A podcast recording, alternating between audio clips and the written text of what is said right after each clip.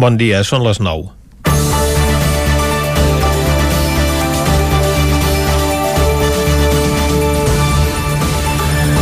Totes les patronals a l'hostaleria catalana s'han unit per demanar una proposta de modificació del segon tram de la desescalada a partir d'aquest divendres.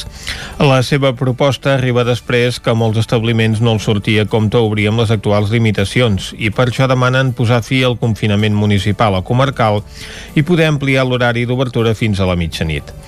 També volen reduir les mesures de distanciament i ampliar l'aforament de les taules. Vaja, que el sector de la restauració el que demana és gairebé una una barra lliure. Totes aquestes peticions les han transmès al Departament d'Empresa, l'actual titular de la qual s'ha mostrat força més procliu a les seves demandes en contraposició amb els departaments de Salut, d'Interior o en Protecció Civil, que són els que imposen les normes.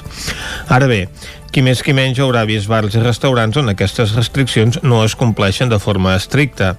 Els representants del sector les reconeixen, però sostenen que són només casos residuals.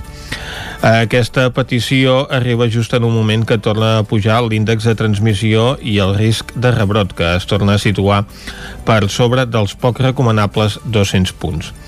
I a més a més som a les portes d'un cap de setmana on molts esperaven fer un negoci que no podrà ser. Tot i això, les autoritats ja donen per fet que aquest dijous hi haurà una escapada massiva de gent de la ciutat per passar el pont a les segones residències. I ho toleraran sempre i quan mantinguin el confinament municipal fins dilluns. Un grau de permissivitat que no han tingut quan des del territori s'ha demanat que es permeti trencar el confinament municipal en pobles petits de muntanya, mancats de serveis i on el grau d'impacte de la malaltia és residual, si no nul.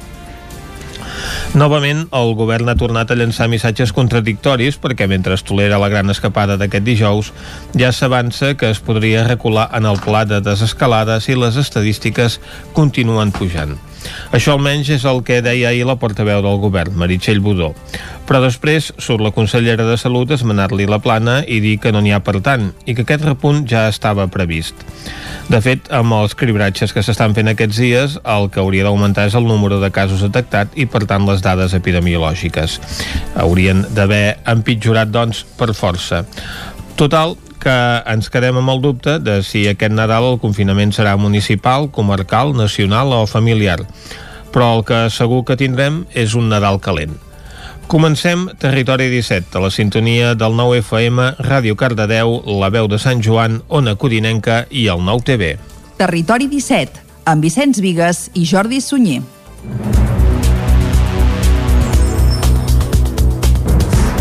Són les 9 i 3 minuts del dimarts, dia 2 de desembre de 2020. Comença aquí un nou Territori 17 que avui, durant la primera hora, com sempre, us acostarà tota l'actualitat de les nostres comarques. Després, a partir de les 10, les seccions habituals dels dimecres. Avui anirem cap a la veu de Sant Joan, a la secció de Lletra Ferits, on parlem de literatura. També tindrem Territori Sostenible, avui per conèixer les bondats del tomàquet de Riells. I acabarem al punt de les 12 del migdia, tot fent un repàs a l'agenda cultural per aquest cap de setmana. I ara, com sempre, el que fem és arrencar tot fent un repàs a l'actualitat de les nostres comarques, les comarques del Ripollès, Osona, el Moianès i el Vallès Oriental.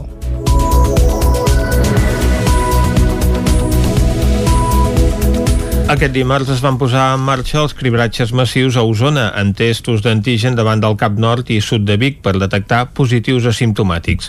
Avui s'hi continuaran fent proves de 3 a 7 de la tarda. Davant del Cap Nord i Sud de Vic, durant el matí d'aquest dimarts s'hi van fer testos d'antígens de manera gratuïta a persones majors de 16 anys.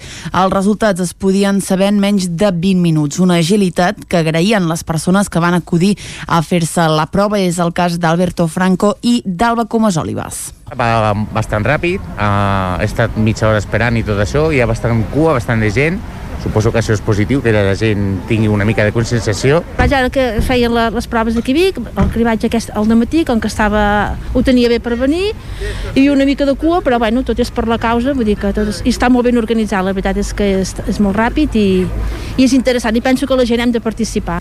Al migdia, l'alcaldessa de Vic, Anna R, feia una crida a la població perquè acudís als cribratges. Part d'aquesta oportunitat que Salut ens ofereix, també tenim un missatge, m'agradaria donar, de responsabilitat. És a dir, som responsables tots, és a dir, és una cribatge universal i el que cridem és a la responsabilitat de tothom que no ho hagi passat, que vingui, perquè així es podrem controlar eh, i tallar aquelles cadenes de transmissió. El fet de conèixer amb immediatesa el resultat dels testos d'antigen, segons apuntava la subdirectora regional a la Catalunya Central de l'Agència de Salut Pública, Imma Sarbós, pot arribar a permetre tallar cadenes de contagi.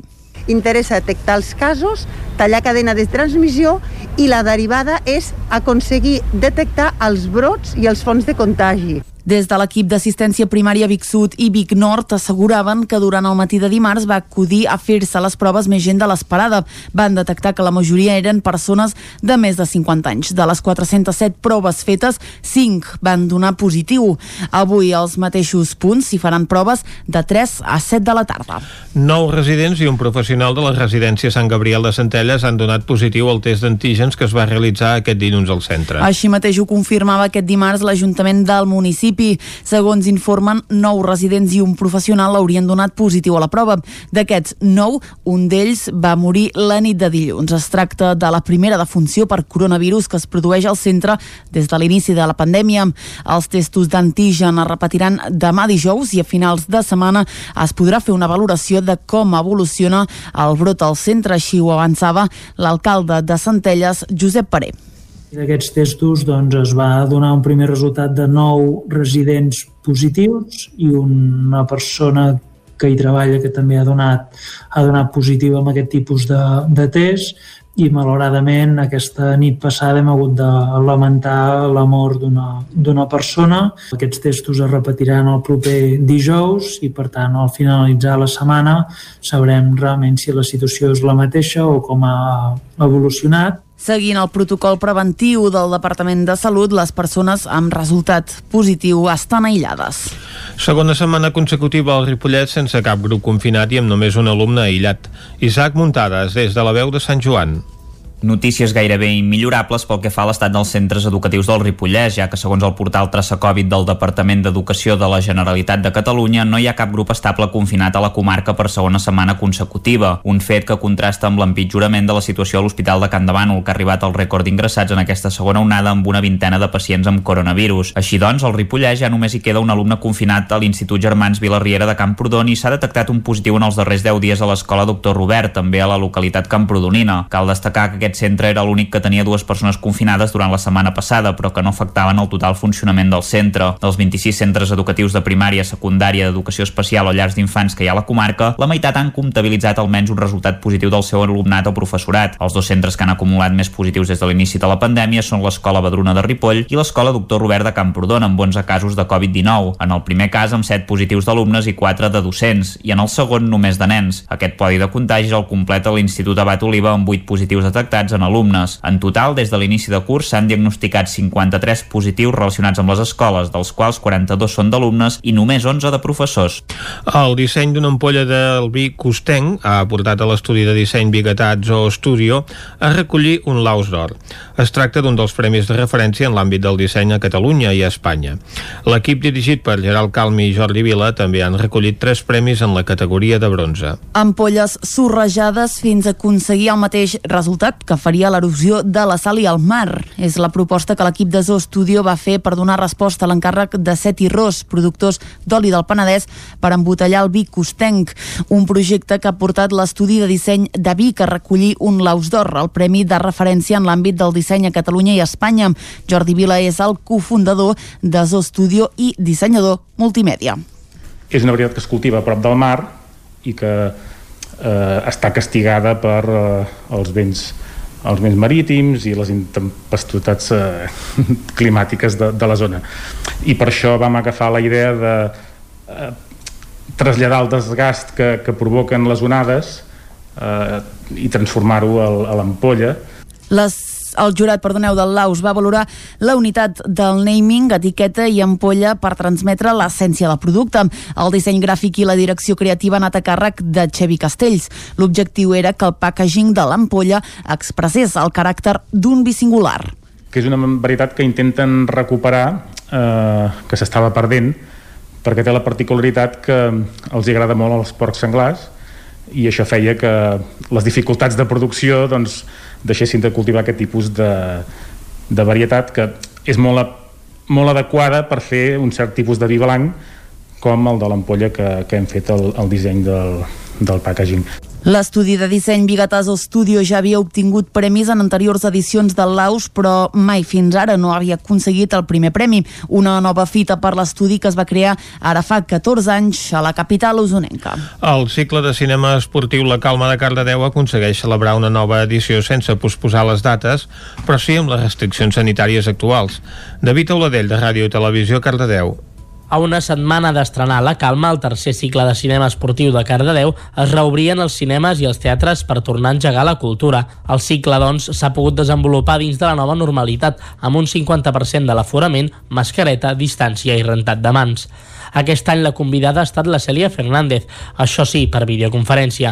Amb ella han parlat del curt El Salto, sent ella la protagonista, la primera dona d'Espanya que va participar al Campionat Mundial de Salts d'Alçada. Escoltem Luis Miguel Sarmiento, membre de l'organització de La Calma. Cada any fem una temàtica diferent i aquest any hem, hem decidit dones. Una mica la temàtica la, la vam agafar amb molt de temps d'antelació i aquesta temàtica pues, la vam agafar perquè és un tema molt interessant i en, en, els, en els moments actuals sobretot per intentar igualar les, les condicions amb l'esport de les dones i, de, i, dels, i dels homes. El cicle ha comptat amb tres curtmetratges i un documental, tots ambientats en l'esport femení. Hike Passes, que parla sobre unes noies d'un poble de l'Himalaya que volen jugar a hoquei sobre gel però no tenen recursos econòmics.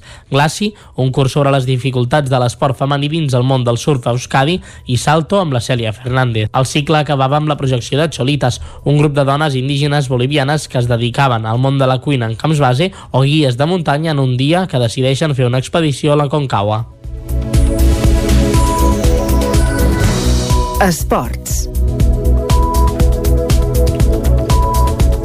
S'han lliurat els premis Activitat Física, Innovació i Societat Ciutat de Vic, convocats per l'Ajuntament de Vic, la Facultat d'Educació, Traducció i Ciències Humanes de la UBIC UCC i la penya barcelonista Plana de Vic. En la categoria Premi Universitat de Vic, el projecte guanyador ha sigut Més enllà de la pista i en la categoria penya barcelonista Plana de Vic, Elmer, Experiència Intergeneracional d'Educació Física a l'Escola. La novena edició dels Premis Activitat Física, Innovació i Societat Ciutat de Vic ja té guanyadors. Els premis van adreçats a totes les propostes vinculades amb l'activitat física amb l'objectiu de reconèixer el treball dels professionals relacionats a la formació de persones a través de l'esport. Titi Roca és el regidor d'Esports de l'Ajuntament de Vic. Hi ha moltes coses més no? que la pràctica esportiva en si, per tant és un tema de, de cohesió social, de, de compartir, de, de, de compartir valors, de millorar-los, de formació de persones o infants i per tant eh, tots aquests eh, projectes van, van alineats en aquesta línia. No? En la categoria Premi Universitat de Vic, el projecte guanyador ha estat Més enllà de la pista de Sílvia Jurado, Daniel Moreno i Nil Baucells. Es tracta d'un projecte amb valors en l'hoquei patins al Club Patí Vic. I en la categoria de Premi Penya Barcelonista Plana de Vic ha guanyat el Mer Experiència Intergeneracional d'Educació Física a l'Escola de Gemma Torres, Isabel Carrera i Alba Vilaragut, basat en un treball conjunt entre infants i persones grans. Sílvia Jurado, com deia, més membre de l'equip guanyador del Premi Universitat de Vic. Uh, al final estem en una edat formativa, tenim nens, tenim infants que s'estan formant i, i volíem aprofitar doncs, tot el que l'esport pot oferir-nos per, per acabar de, de, de formar-los de forma més integral. L'acte de reconeixement es va fer el passat dijous al Mas Osona, ja que aquest any la Festa de l'Esport de Vic s'ha hagut de suspendre per la pandèmia. Els premis que enguany han comptat amb nou participants estan dotats de 500 euros cada un.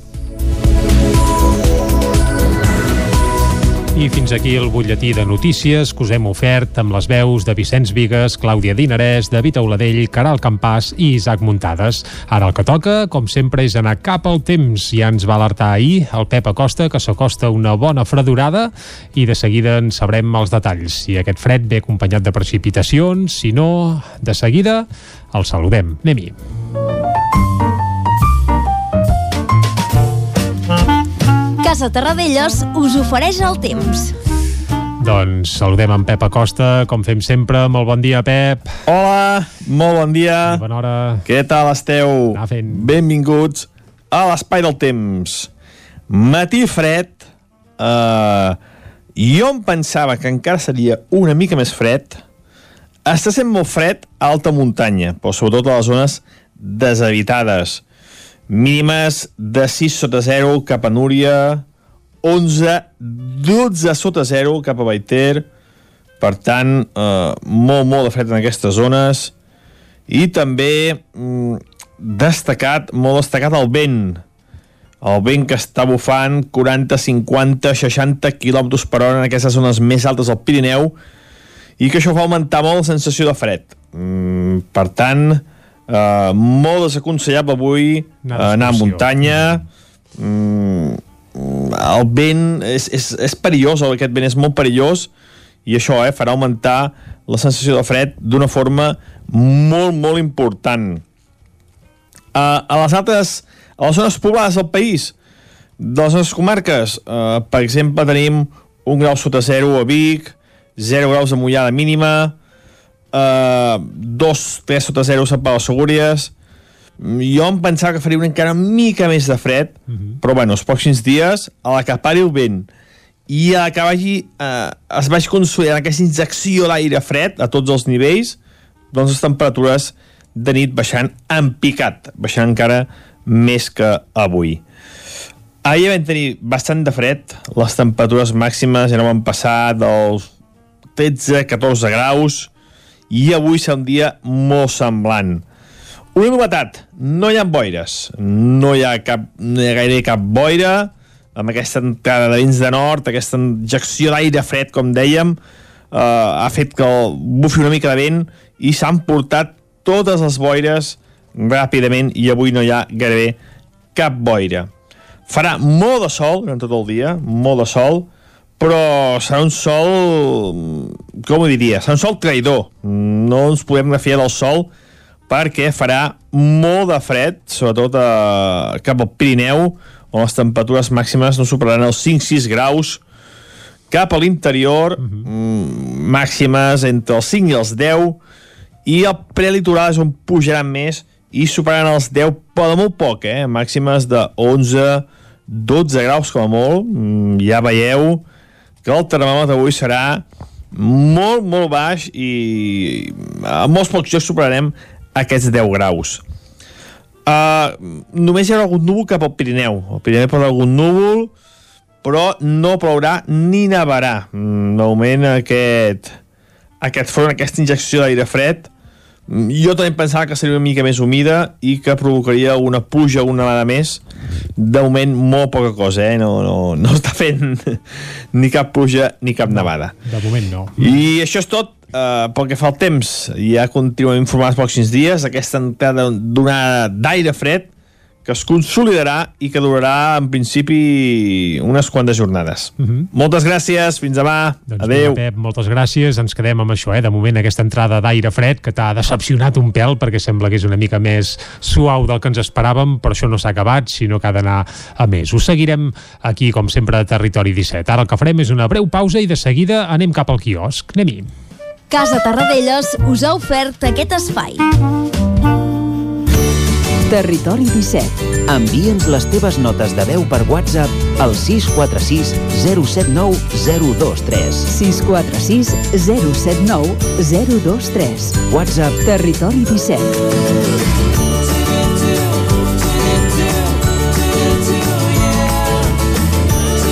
Territori 17. Som a Facebook, Twitter i Instagram amb l'usuari Territori 17.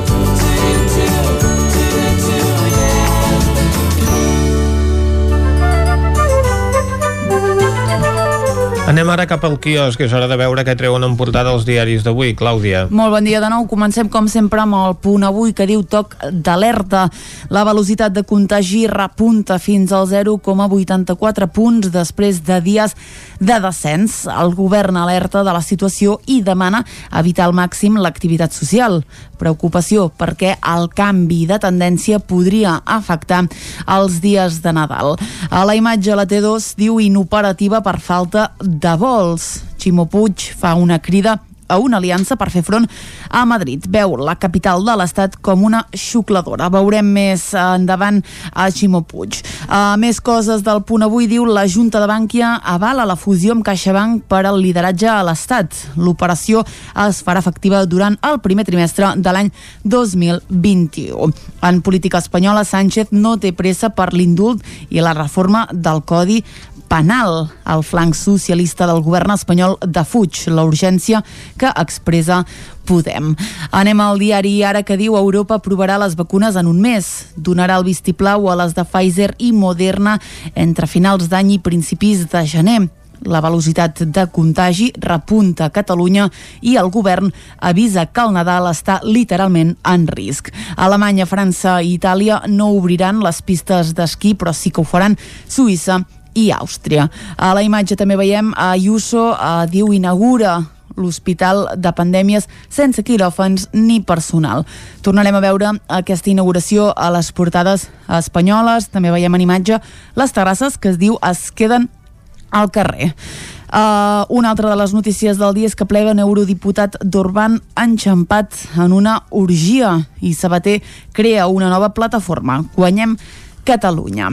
Anem al periòdico que diu una de cada deu empreses tancarà per la pandèmia. L'impacte serà més gran en les pimes i els sectors del transport, l'hostaleria i l'oci.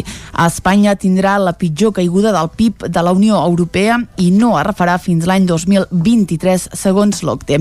A la imatge diu la nit desperta de plensa, el més internacional dels artistes catalans i alhora el menys local, malgrat l'estima del públic, exposa a Barcelona a la Galeria Senda.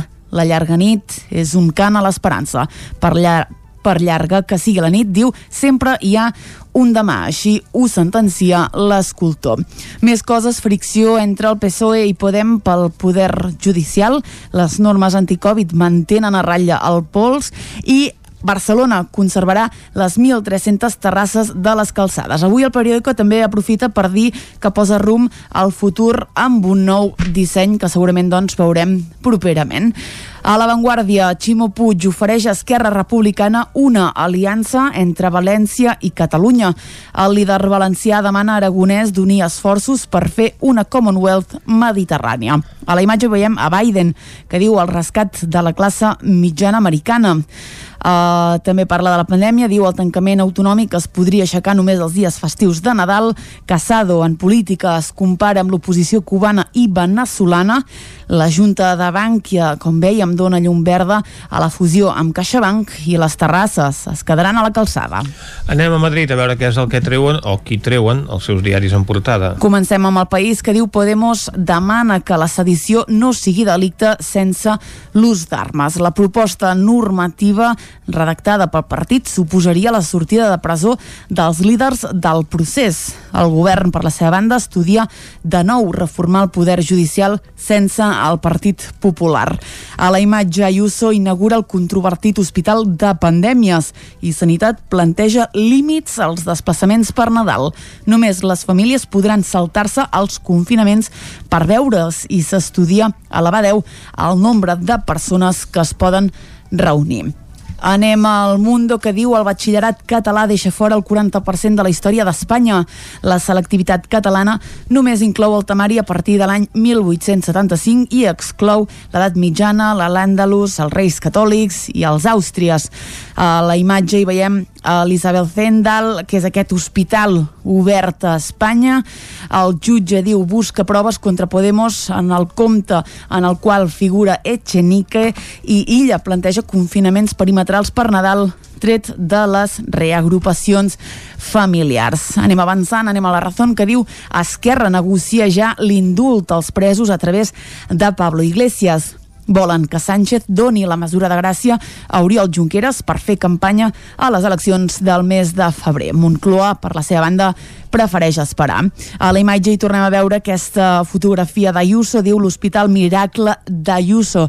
És exactament um, la mateixa imatge que veiem al País, al Mundo i que també doncs, veiem a la Razón. Uh, més coses, el jutge ordena rastrejar el compte de Podemos que gestiona Echenique i el xòfer de Bárcenas que diu la gravació del presi parla de Mariano Rajoy, diu no li ensenyo a ningú.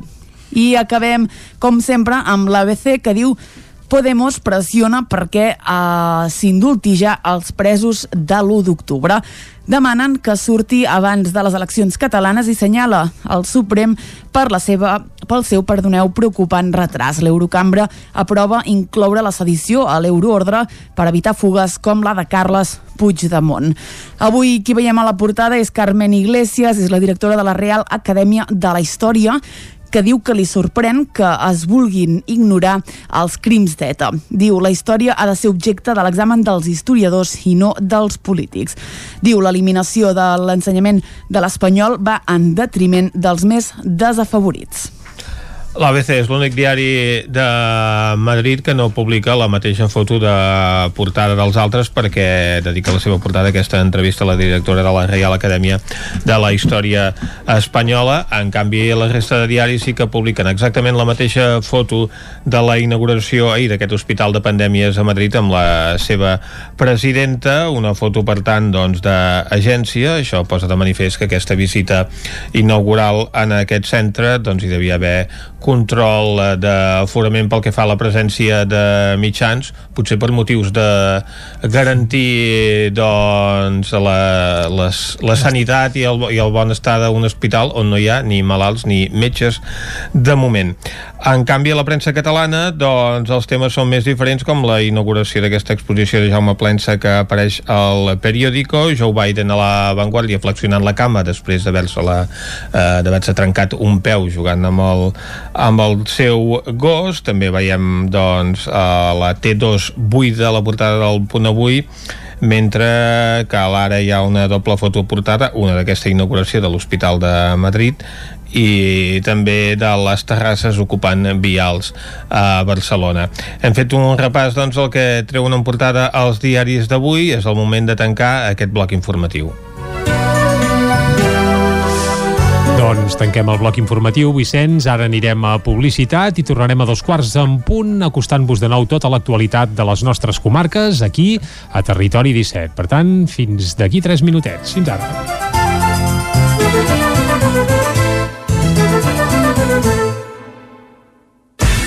El nou FM, la ràdio de casa, al 92.8. Les bones decisions tenen premi. I és que si té una caldera Vaillant, està d'enhorabona. Vaillant li ofereix fins a 15 anys de cobertura total, amb la revisió obligatòria inclosa. Informis a Oficiat Nord trucant al 93 886 0040. Amb el servei tècnic oficial de Vaillant, la seva caldera estarà en les millors mans. Hi ha una màgia que no té truc. És la màgia de compartir una estona amb algú i parlar-hi. Vols practicar català? Vols ajudar algú a parlar-lo? Apunta't al voluntariat per la llengua. El programa de les parelles lingüístiques a vxl.cat. Perquè quan parles, fas màgia. Generalitat de Catalunya. 100 milions i mig de futurs. Cocodril Club. Si t'agrada la bona música dels anys 60, 70 i 80, escolta el 9 FM als matins de dissabtes i diumenges d'11 a 1. És el temps del Cocodril Club, tot un clàssic de la ràdio, amb les bases del pop-rock, les llegendes, les cançons que s'han convertit en autèntics himnes. Recorda, dissabtes i diumenges al matí, d'11 a 1, al 9 FM 92.8. Cocodril Club, el programa revival de l'Albert Malla. Hasta luego, cocodrilo. Cobertes serveis funeraris. Els nostres tanatoris estan ubicats en els nuclis urbans més poblats de la comarca d'Osona per oferir un millor servei. Tanatori de Vic, Tanatori de Manlleu, Tanatori de Centelles i Tanatori de Roda de Ter. Sabem que són moments difícils i per això el nostre compromís és atendre-us en tot moment amb un tracte humà, sensible i respectuós. Cobertes serveis funeraris. Telèfon 24 hores 93 883 23 46. Anuncia't al 9FM. La màquina de casa. 9 3 8 8 9 4 9 4 9. Publicitat arroba al 9FM.cat. Anuncia't al 9FM. La publicitat més eficaç. A Calefaccions Pradell som experts en osmosi inversa, substitució de calderes de gas, estufes de pèl·lets, calderes de condensació, energia solar, calefacció, terres radiants, calderes de gas, geotèrmia... Si busques experiència, qualitat i professionalitat, no dubtis en confiar en nosaltres. Calefaccions Pradell, telèfon 93 885 11 97. Ah, i ara informa't del Pla Renova't. Calefaccions Pradell us desitja bon Nadal i feliç 2012. Tens joies o rellotges que vols rendibilitzar? Demana una valoració gratuïta a Comprem Or, especialistes en la compra de joies, diamants i rellotges. T'ofereixen transparència, discreció i la màxima taxació. Troba la teva botiga a compremor.com o truca al 938 101 342. Recorda, són els originals, els de la moneda. Comprem or. Rambla de Vallada 7, Vic. El nou FM.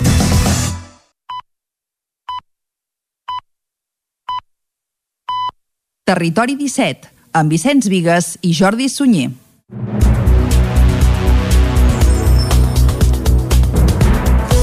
Són dos quarts de deu en punt d'avui dimecres, dia 2 de desembre de 2020. Seguim aquí en directe a Territori 17 i el que toca ara és acostar-vos de nou l'actualitat de les nostres comarques. Ja ho sabeu, les comarques del Ripollès, Osona, el Moianès i el Vallès Oriental. Aquest dimarts es van posar en marxa els cribratges massius a Osona en testos d'antigen davant del Cap Nord i Sud de Vic per detectar positius asimptomàtics. Avui s'hi continuaran fent proves de 3 a 7 de la tarda. Davant del Cap Nord i Sud de Vic, durant el matí d'aquest dimarts s'hi van fer testos d'antígens de manera gratuïta a persones majors de 16 anys. Els resultats es podien saber en menys de 20 minuts. Una agilitat que agraïen les persones que van acudir a fer-se la prova. És el cas d'Alberto Franco i d'Alba Comas Olivas. Va bastant ràpid, uh, he estat mitja hora esperant i tot això, hi ha bastant cua, bastant de gent, suposo que això és positiu, que la gent tingui una mica de conscienciació. Vaig ara que feien la, les proves a Vic, el cribatge aquest al matí, com que estava, ho tenia bé per venir, i una mica de cua, però bueno, tot és per la causa, vull dir que tot és, i està molt ben organitzat, la veritat és que és, és molt ràpid i, i és interessant, i penso que la gent hem de participar. Al migdia, l'alcaldessa de Vic, Anna R, feia una crida a la població perquè acudís als cribratges part d'aquesta oportunitat que Salut ens ofereix també tenim un missatge, m'agradaria donar, de responsabilitat, és a dir, som responsables tots, és a dir, és una cribatge universal i el que cridem és a la responsabilitat de tothom que no ho hagi passat, que vingui, perquè així es podrem controlar eh, i tallar aquelles cadenes de transmissió.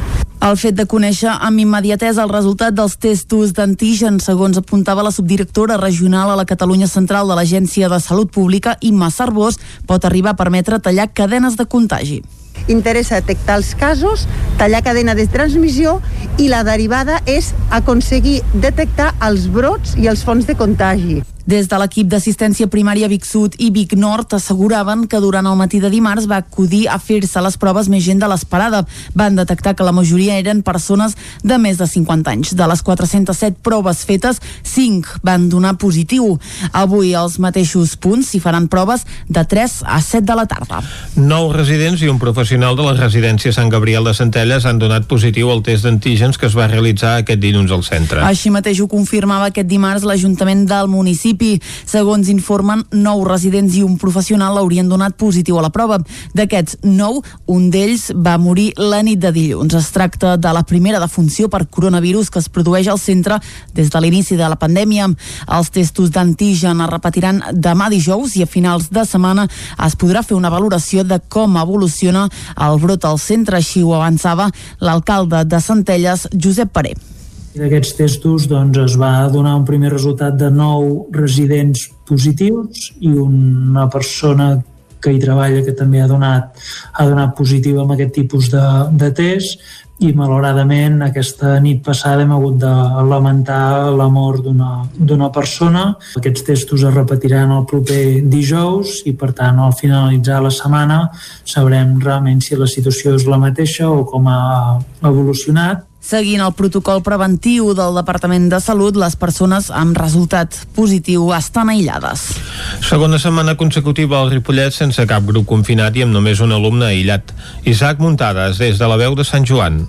Notícies gairebé immillorables pel que fa a l'estat dels centres educatius del Ripollès, ja que segons el portal Traça Covid del Departament d'Educació de la Generalitat de Catalunya no hi ha cap grup estable confinat a la comarca per segona setmana consecutiva, un fet que contrasta amb l'empitjorament de la situació a l'Hospital de Can de Bànol, que ha arribat al rècord d'ingressats en aquesta segona onada amb una vintena de pacients amb coronavirus. Així doncs, al Ripollès ja només hi queda un alumne confinat a l'Institut Germans Vilarriera de Camprodon i s'ha detectat un positiu en els darrers 10 dies a l'escola Doctor Robert, també a la localitat camprodonina. Cal destacar que aquest centre era l'únic que tenia dues persones confinades durant la setmana passada, però que no afectaven el total funcionament del centre. Dels 26 centres educatius de primària, secundària, d'educació especial o llars d'infants que hi ha a la comarca, la meitat han comptabilitzat almenys un resultat positiu del seu alumnat o professorat. Els dos centres que han acumulat més positius des de l'inici de la pandèmia són l'Escola Badruna de Ripoll i l'Escola Doctor Robert de Camprodon, amb 11 casos de Covid-19. En el primer cas, amb 7 positius d'alumnes i 4 de docents, i en el segon només de nens. Aquest podi de contagis el completa l'Institut Abat Oliva amb 8 positius detectats en alumnes. En total, des de l'inici de curs s'han diagnosticat 53 positius relacionats amb les escoles, dels quals 42 són d'alumnes i només 11 de professors.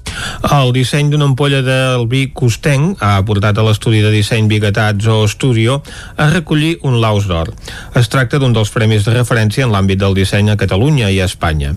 L'equip dirigit per Gerald Calmi i Jordi Vila també han recollit tres premis en la categoria de bronze. Ampolles sorrejades fins a aconseguir el mateix resultat que faria l'erosió de la sal i el mar. És la proposta que l'equip de Zoo Studio va fer per donar resposta a l'encàrrec de Set i Ros, productors d'oli del Penedès, per embotellar el vi costenc, un projecte que ha portat l'estudi de disseny de vi que recollir un Laus d'Or, el premi de referència en l'àmbit del disseny a Catalunya i Espanya. Jordi Vila és el cofundador de Zoo Studio i dissenyador multimèdia. És una varietat que es cultiva a prop del mar i que eh, està castigada per eh, els vents els vents marítims i les intempestuotats eh, climàtiques de, de la zona. I per això vam agafar la idea de eh, traslladar el desgast que, que provoquen les onades eh, i transformar-ho a l'ampolla. Les el jurat, perdoneu, del Laus va valorar la unitat del naming, etiqueta i ampolla per transmetre l'essència del producte. El disseny gràfic i la direcció creativa han anat a càrrec de Xevi Castells. L'objectiu era que el packaging de l'ampolla expressés el caràcter d'un bisingular. Que és una varietat que intenten recuperar, eh, que s'estava perdent, perquè té la particularitat que els agrada molt als porcs senglars, i això feia que les dificultats de producció doncs, deixessin de cultivar aquest tipus de, de varietat que és molt, molt adequada per fer un cert tipus de vi blanc com el de l'ampolla que, que hem fet el, el disseny del, del packaging. L'estudi de disseny Bigataso Studio ja havia obtingut premis en anteriors edicions del Laus, però mai fins ara no havia aconseguit el primer premi. Una nova fita per l'estudi que es va crear ara fa 14 anys a la capital usonenca. El cicle de cinema esportiu La Calma de Cardedeu aconsegueix celebrar una nova edició sense posposar les dates, però sí amb les restriccions sanitàries actuals. David Auladell, de Ràdio i Televisió, Cardedeu. A una setmana d'estrenar La Calma, el tercer cicle de cinema esportiu de Cardedeu, es reobrien els cinemes i els teatres per tornar a engegar la cultura. El cicle, doncs, s'ha pogut desenvolupar dins de la nova normalitat, amb un 50% de l'aforament, mascareta, distància i rentat de mans. Aquest any la convidada ha estat la Celia Fernández, això sí, per videoconferència. Amb ella han parlat del curt El Salto, sent ella la protagonista, la primera dona d'Espanya que va participar al Campionat Mundial de Salts d'Alçada. Escoltem Luis Miguel Sarmiento, membre de l'organització de La Calma. Cada any fem una temàtica diferent i aquest any hem, hem decidit dones. Una mica la temàtica la, la vam agafar amb molt de temps d'antelació i aquesta temàtica pues, la vam agafar perquè és un tema molt interessant i en, en, els, en els moments actuals sobretot per intentar igualar les, les condicions amb l'esport de les dones i, de, i, dels, i dels homes. El cicle ha comptat amb tres curtmetratges i un documental, tots ambientats en l'esport femení. Height Passes, que parla sobre unes noies d'un poble de l'Himalaya que volen jugar a hoquei sobre gel però no tenen recursos econòmics. Glaci, un curs sobre les dificultats de l'esport femení dins el món del surf a Euskadi i Salto amb la Cèlia Fernández. El cicle acabava amb la projecció de Cholitas, un grup de dones indígenes bolivianes que es dedicaven al món de la cuina en camps base o guies de muntanya en un dia que decideixen fer una expedició a la Concagua. Esports. S'han lliurat els premis Activitat Física, Innovació i Societat Ciutat de Vic, convocats per l'Ajuntament de Vic, la Facultat d'Educació, Traducció i Ciències Humanes de la UBIC UCC i la penya barcelonista Plana de Vic. En la categoria Premi Universitat de Vic, el projecte guanyador ha sigut Més enllà de la pista i en la categoria penya barcelonista Plana de Vic, Elmer, Experiència Intergeneracional d'Educació Física a l'Escola. La novena edició dels Premis Activitat Física, Innovació i Societat Ciutat de Vic ja té guanyadors. Els premis van adreçats a totes les propostes vinculades amb l'activitat física amb l'objectiu de reconèixer el treball dels professionals relacionats a la formació de persones a través de l'esport. Titi Roca és el regidor d'Esports de l'Ajuntament de Vic. Hi ha moltes coses més no? que la pràctica esportiva en si, per tant és un tema de, de cohesió social, de, de compartir, de, de, de compartir valors, de millorar-los, de formació de persones o infants i per tant eh, tots aquests eh, projectes van, van alineats en aquesta línia. No? En la categoria Premi Universitat de Vic, el projecte guanyador ha estat més enllà de la pista de Sílvia Jurado, Daniel Moreno i Nil Baucells. Es tracta d'un projecte amb valors en l'hoquei patins al Club Patí Vic. I en la categoria de Premi Penya Barcelonista Plana de Vic ha guanyat el Mer Experiència Intergeneracional d'Educació Física a l'Escola de Gemma Torres, Isabel Carrera i Alba Vilaragut, basat en un treball conjunt entre infants i persones grans. Sílvia Jurado, com deia, és membre de l'equip guanyador del Premi Universitat de Vic. Uh, al final estem en una edat formativa, tenim nens, tenim infants que s'estan formant i, i volíem aprofitar doncs, tot el que l'esport pot oferir-nos per, per acabar de, de, de formar-los de forma més integral. L'acte de reconeixement es va fer el passat dijous al Mas Osona, ja que aquest any la Festa de l'Esport de Vic s'ha hagut de suspendre per la pandèmia. Els premis que enguany han comptat amb nou participants estan dotats de 500 euros cada un. I fins aquí el butlletí de notícies que us hem ofert amb les veus de Vicenç Vigues, Clàudia Dinarès, David Auladell, Caral Campàs i Isaac Muntades. Ara el que toca, com sempre, és anar cap al temps. Ja ens va alertar ahir el Pep Acosta que s'acosta una bona fredurada i de seguida en sabrem els detalls. Si aquest fred ve acompanyat de precipitacions, si no, de seguida el saludem. Anem-hi. Casa Terradellos us ofereix el temps. Doncs saludem en Pep Acosta, com fem sempre. Molt bon dia, Pep. Hola, molt bon dia. Bona hora. Què tal esteu? Benvinguts a l'Espai del Temps. Matí fred. Uh, jo em pensava que encara seria una mica més fred. Està sent molt fred a alta muntanya, però sobretot a les zones deshabitades mínimes de 6 sota 0 cap a Núria, 11, 12 sota 0 cap a Baiter, per tant, eh, molt, molt de fred en aquestes zones, i també mm, destacat, molt destacat el vent, el vent que està bufant 40, 50, 60 km per hora en aquestes zones més altes del Pirineu, i que això fa augmentar molt la sensació de fred. Mm, per tant, Uh, molt desaconsellable avui anar, uh, anar a muntanya. Mm, el vent és, és, és perillós, aquest vent és molt perillós i això eh, farà augmentar la sensació de fred d'una forma molt, molt important. Uh, a les altres a les zones poblades del país de les nostres comarques uh, per exemple tenim un grau sota zero a Vic 0 graus de mullada mínima uh, 2, 3 sota 0 a Pau Segúries jo em pensava que faria una encara una mica més de fred uh -huh. però bueno, els pròxims dies a la que pari el vent i a la que vagi, eh, es vagi consolidant aquesta injecció d'aire fred a tots els nivells doncs les temperatures de nit baixant en picat baixant encara més que avui ahir vam tenir bastant de fred les temperatures màximes ja no van passar dels 13-14 graus i avui serà un dia molt semblant. Una novetat, no hi ha boires, no hi ha, cap, no hi ha gaire cap boira, amb aquesta entrada de vents de nord, aquesta injecció d'aire fred, com dèiem, eh, ha fet que bufi una mica de vent i s'han portat totes les boires ràpidament i avui no hi ha gairebé cap boira.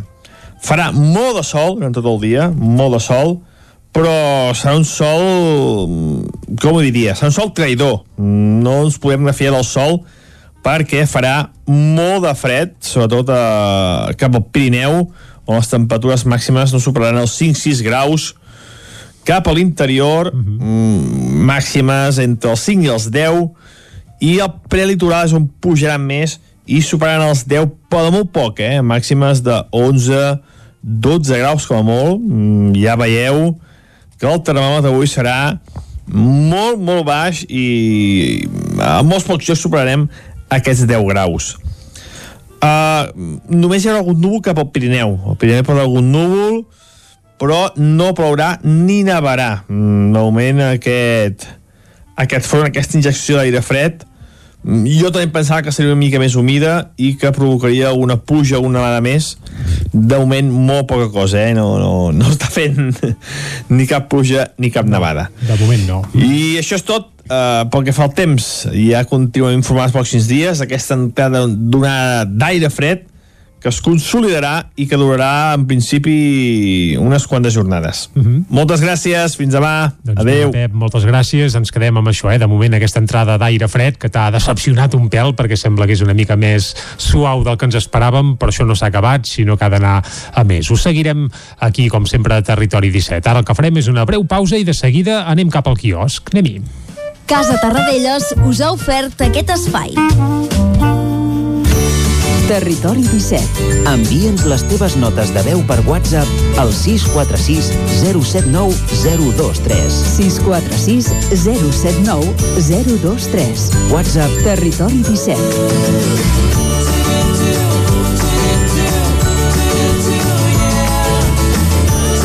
Territori 17. Som a Facebook, Twitter i Instagram amb l'usuari Territori 17.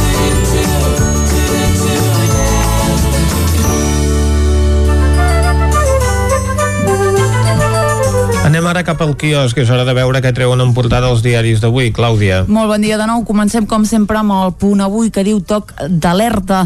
La velocitat de contagi repunta fins al 0,84 punts després de dies de descens. El govern alerta de la situació i demana evitar al màxim l'activitat social. Preocupació perquè el canvi de tendència podria afectar els dies de Nadal. A la imatge la T2 diu inoperativa per falta de vols. Ximo Puig fa una crida a una aliança per fer front a Madrid. Veu la capital de l'Estat com una xucladora. Veurem més endavant a Ximo Puig. Uh, més coses del punt avui diu la Junta de Bànquia avala la fusió amb CaixaBank per al lideratge a l'Estat. L'operació es farà efectiva durant el primer trimestre de l'any 2021. En política espanyola, Sánchez no té pressa per l'indult i la reforma del Codi penal. El flanc socialista del govern espanyol defuig la urgència que expressa Podem. Anem al diari Ara que diu Europa aprovarà les vacunes en un mes. Donarà el vistiplau a les de Pfizer i Moderna entre finals d'any i principis de gener. La velocitat de contagi repunta a Catalunya i el govern avisa que el Nadal està literalment en risc. Alemanya, França i Itàlia no obriran les pistes d'esquí, però sí que ho faran Suïssa i Àustria. A la imatge també veiem a Ayuso, eh, diu inaugura l'Hospital de Pandèmies sense quiròfans ni personal. Tornarem a veure aquesta inauguració a les portades espanyoles. També veiem en imatge les terrasses que es diu es queden al carrer. Uh, una altra de les notícies del dia és que plega un eurodiputat d'Urban enxampat en una orgia i Sabater crea una nova plataforma. Guanyem Catalunya. Anem al periòdico que diu una de cada deu empreses tancarà per la pandèmia. L'impacte serà més gran en les pimes i els sectors del transport, l'hostaleria i l'oci. Espanya tindrà la pitjor caiguda del PIB de la Unió Europea i no es refarà fins l'any 2023, segons l'OCTE. A la imatge diu la nit desperta de plensa, el més internacional dels artistes catalans i alhora el menys local, malgrat l'estima del públic, exposa a Barcelona a la Galeria Senda. La llarga nit és un cant a l'esperança. Per, llar per llarga que sigui la nit, diu, sempre hi ha un demà, així ho sentencia l'escultor. Més coses, fricció entre el PSOE i Podem pel poder judicial. Les normes anticovid mantenen a ratlla el pols i Barcelona conservarà les 1.300 terrasses de les calçades. Avui el periòdico també aprofita per dir que posa rum al futur amb un nou disseny que segurament doncs veurem properament. A l'avantguàrdia, Ximo Puig ofereix a Esquerra Republicana una aliança entre València i Catalunya. El líder valencià demana a Aragonès d'unir esforços per fer una Commonwealth mediterrània. A la imatge veiem a Biden, que diu el rescat de la classe mitjana americana. Uh, també parla de la pandèmia, diu el tancament autonòmic es podria aixecar només els dies festius de Nadal. Casado en política es compara amb l'oposició cubana i venezolana. La Junta de Bànquia, com veiem, dona llum verda a la fusió amb CaixaBank i les terrasses es quedaran a la calçada. Anem a Madrid a veure què és el que treuen o qui treuen els seus diaris en portada. Comencem amb el país que diu Podemos demana que la sedició no sigui delicte sense l'ús d'armes. La proposta normativa redactada pel partit suposaria la sortida de presó dels líders del procés. El govern, per la seva banda, estudia de nou reformar el poder judicial sense el Partit Popular. A la imatge, Ayuso inaugura el controvertit Hospital de Pandèmies i Sanitat planteja límits als desplaçaments per Nadal. Només les famílies podran saltar-se els confinaments per veure's i s'estudia a la 10 el nombre de persones que es poden reunir. Anem al Mundo que diu el batxillerat català deixa fora el 40% de la història d'Espanya. La selectivitat catalana només inclou el temari a partir de l'any 1875 i exclou l'edat mitjana, l'Àndalus, els reis catòlics i els àustries. A la imatge hi veiem l'Isabel Zendal, que és aquest hospital obert a Espanya.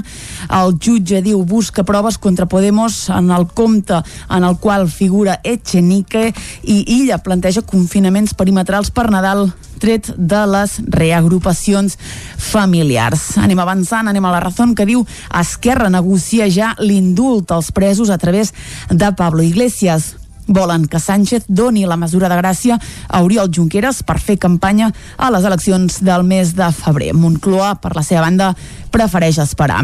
A la imatge hi tornem a veure aquesta fotografia d'Ayuso, diu l'Hospital Miracle d'Ayuso. És exactament um, la mateixa imatge que veiem al País, al Mundo i que també doncs, veiem a la Razón. Uh, més coses, el jutge ordena rastrejar el compte de Podemos que gestiona Echenique i el xòfer de Bárcenas que diu la gravació del presi parla de Mariano Rajoy, diu no li ensenyo a ningú. I acabem, com sempre, amb l'ABC que diu Podemos pressiona perquè eh, s'indulti ja els presos de l'1 d'octubre.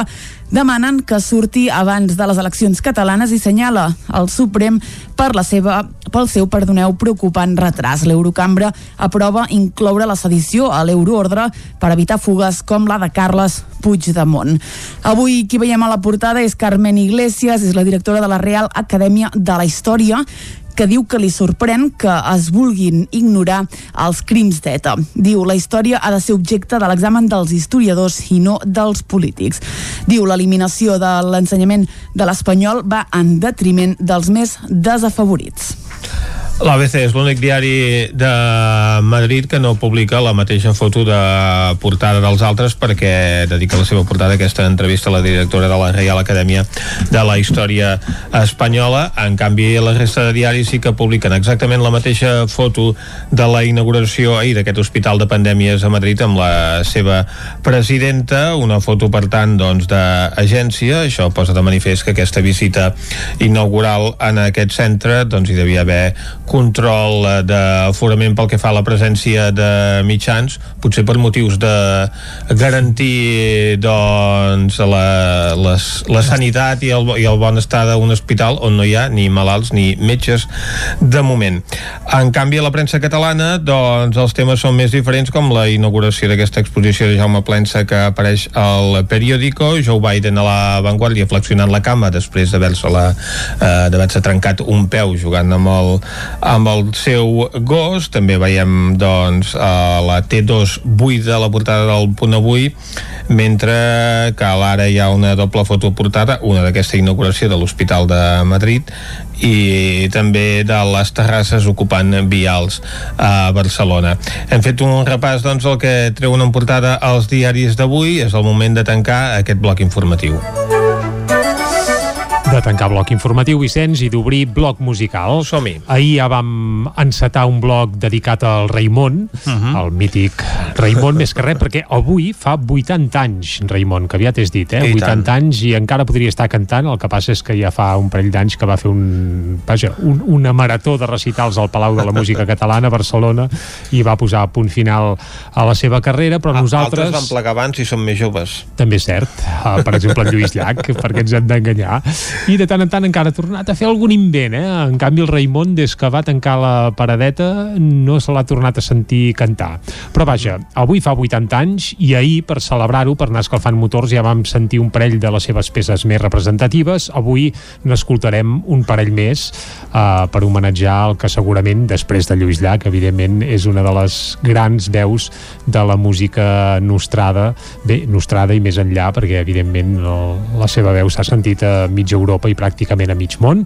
Doncs uh, avui això, volem repescar un parell de cançons representatives de la seva trajectòria i vam sentir El vent, la, la, segurament la més uh, representativa, perquè ens hem d'enganyar, també vam escoltar Jo vinc d'un silenci i avui escoltarem, jo crec que la tríada màgica del Raimon, per tant el Diguem No, què et sembla? Sí? El Diguem No, que és del 1963, per tant ja déu nhi és una peça que ja té uns quants anys i que aleshores sonava així.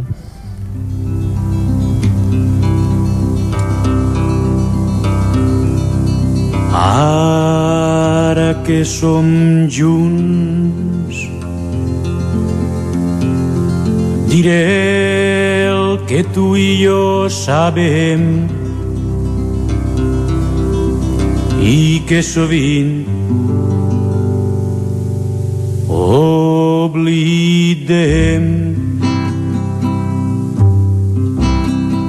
hem vist la por ser llei per a tots.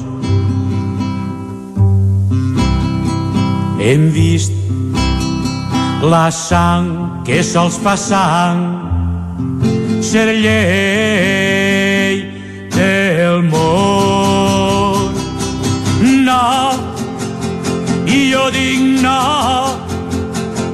diguem no, nosaltres no som d'eixe món.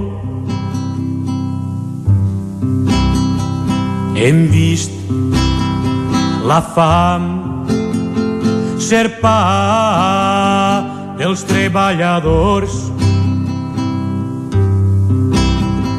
Hem vist tancats a la presó homes plens de raó. No, i jo dic no, diguem no,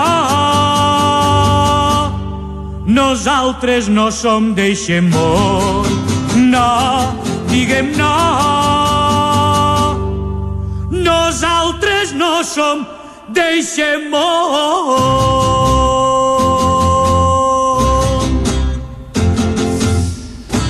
Quina, quina força, eh? Sí, sí. És que cantava amb els dits del peu i amb l'últim cabell del cap. Eh, era una bèstia, una bèstia, el Raimon.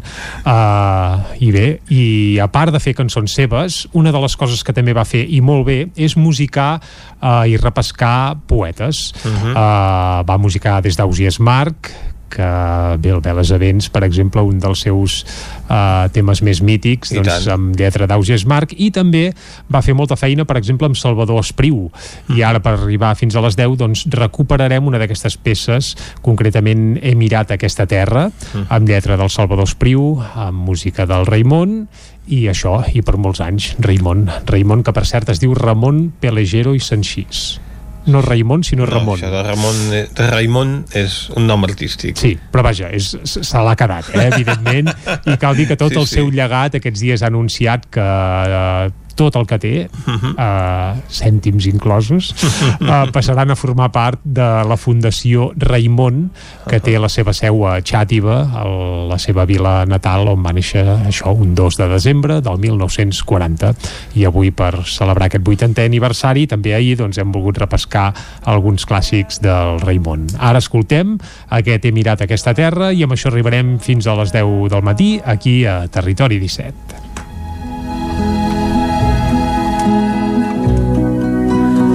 M'entrebleixa l'aire malalt de la nit i boques de fosca fressen als camins. He mirat aquesta terra, he mirat aquesta terra,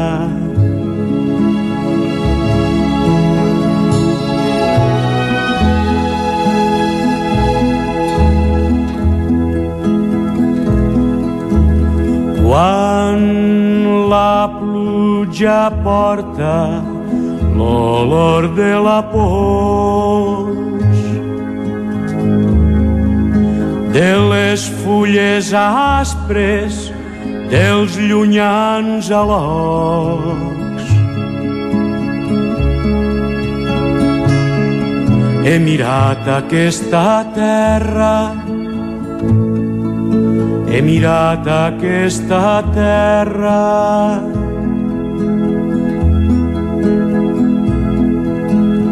Quan el vent es parla en la solitud dels meus morts que riuen d'estar sempre junts I a les 10 en punt torna la informació de les nostres comarques, les comarques del Ripollès, Osona, el Moianès i el Vallès Oriental.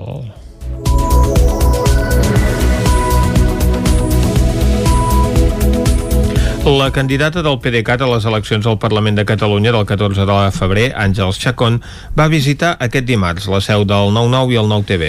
En una entrevista amb la periodista Dolors Altarriba, l'exconsellera d'Empresa va parlar de la decisió que aquest dilluns va anunciar el partit de finalment votar a favor dels pressupostos de l'Estat. Una decisió que dista i molt de la que han pres els quatre diputats de Junts per Catalunya i que consuma, per tant, la fractura de la formació.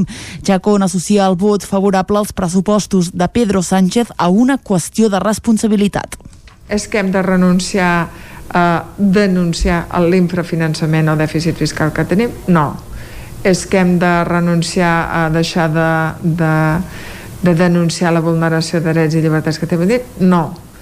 Però aquesta situació tan excepcional ens es demana que tots els recursos possibles que puguin venir ara a Catalunya vinguin. Que estem mantenint uns pressupostos que ens agraden? No, però és que si nosaltres deixem de demanar anirà doncs, a, a, no sé, Castella i Lleó, Extremadura, Galícia a l'entrevista, la candidata també va parlar de l'infrafinançament que assegura pateix la Universitat de Vic, Universitat Central de Catalunya.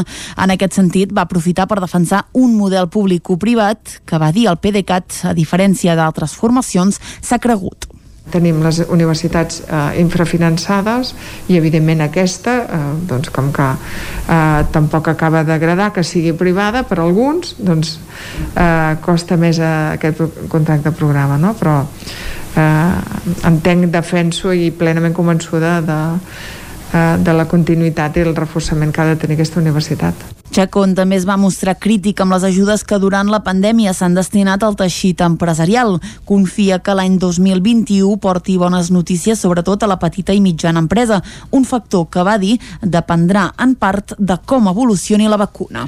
L'atenció tèxtil de Ripoll té la intenció de reconstruir la nau que es va incendiar al juny per reprendre l'activitat. Isaac Muntades, des de la veu de Sant Joan.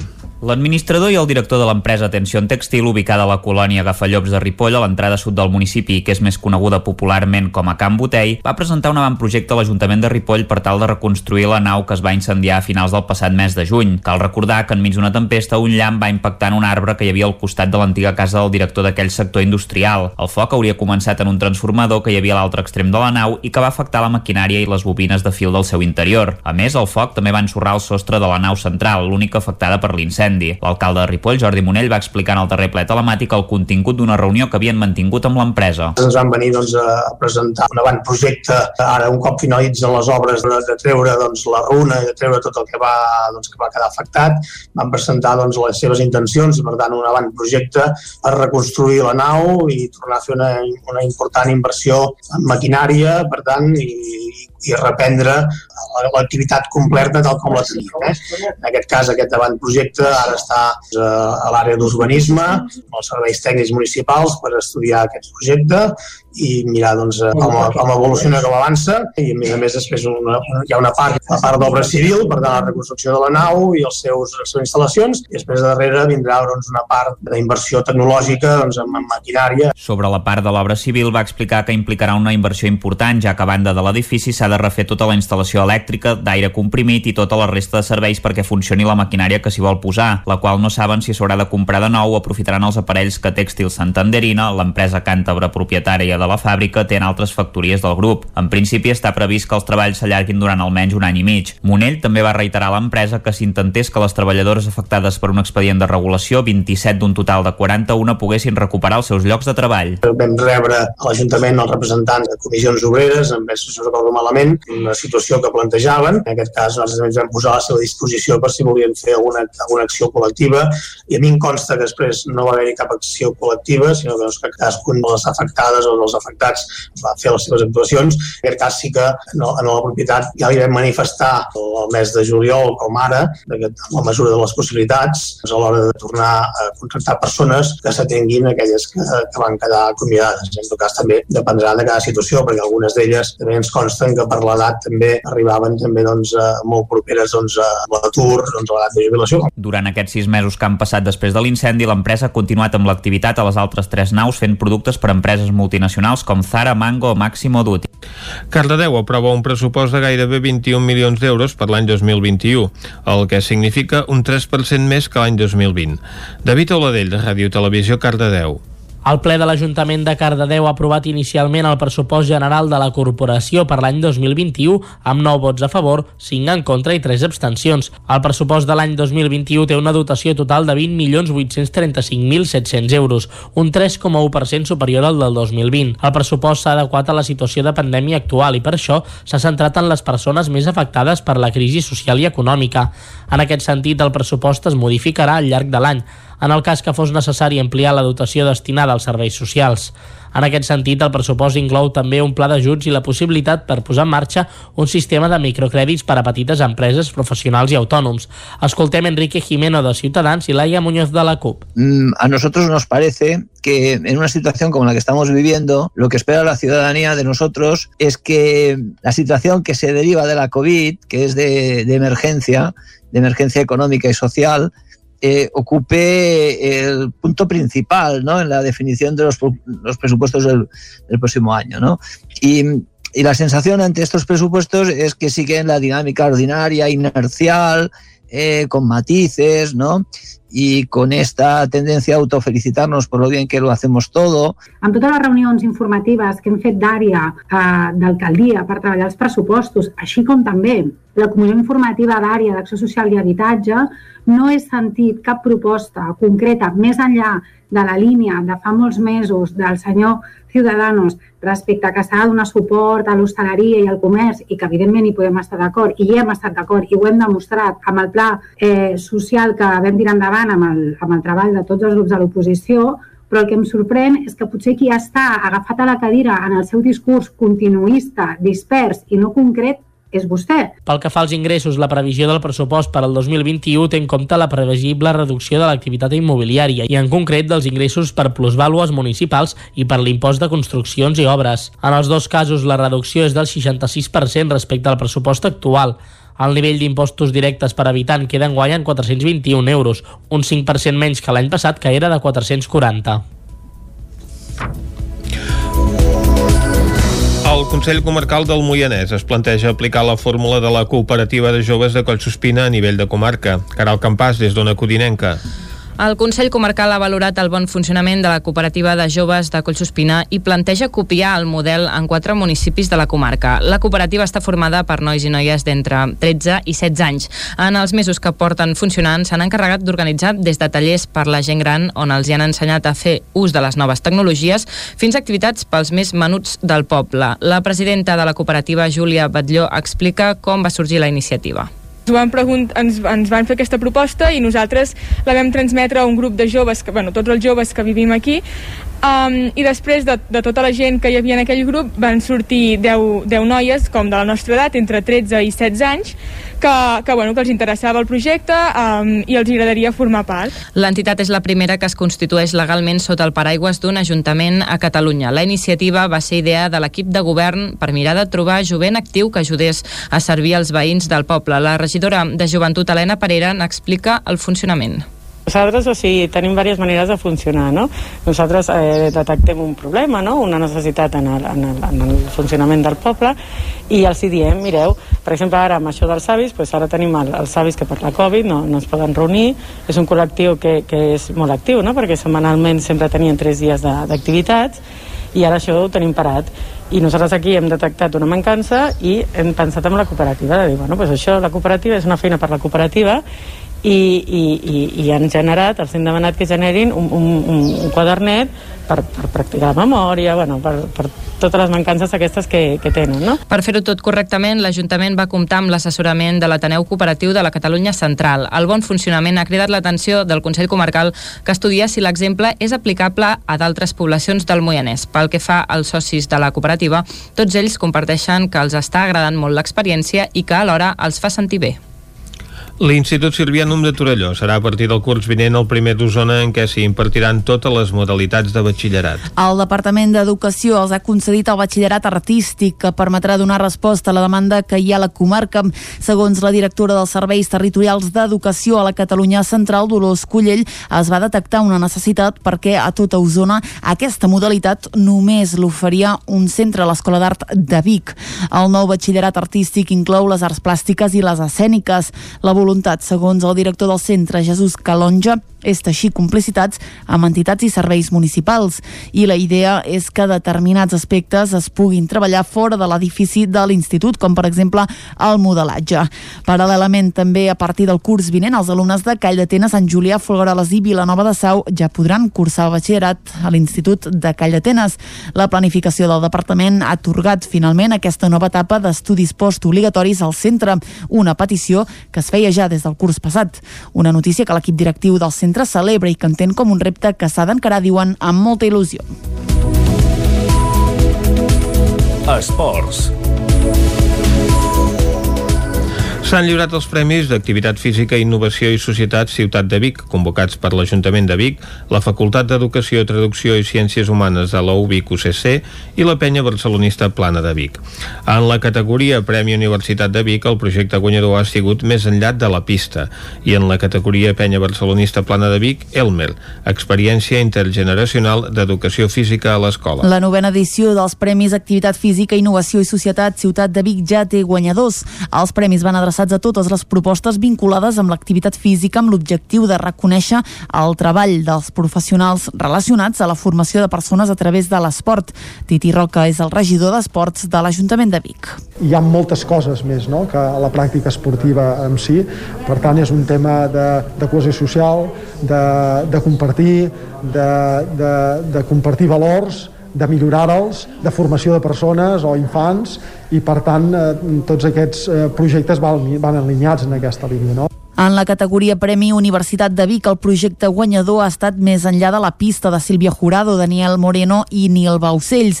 Es tracta d'un projecte en valors en l'hoquei patins al Club Patí Vic.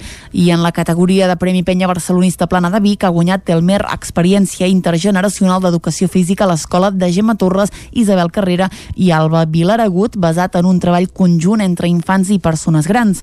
Sílvia Jurado, com deia, és membre de l'equip guanyador del Premi Universitat de Vic. Uh, al final estem en una edat formativa, tenim nens, tenim infants que s'estan formant i, i volíem aprofitar doncs, tot el que l'esport pot oferir-nos per, per acabar de, de, de formar-los de forma més integral. L'acte de reconeixement es va fer el passat dijous al Mas Osona, ja que aquest any la Festa de l'Esport a Vic s'ha hagut de suspendre per la pandèmia. Els premis que enguany han comptat amb nou participants estan dotats amb 500 euros cadascun. I fins aquí el butlletí de notícies de les 10 del matí que us hem ofert amb les veus de Vicenç Vigues, Clàudia Dinarès, David Auladell, Caral Campàs i Isaac Muntades. Ara el que toca és refrescar la informació meteorològica per saber el temps que ens espera per a les properes hores.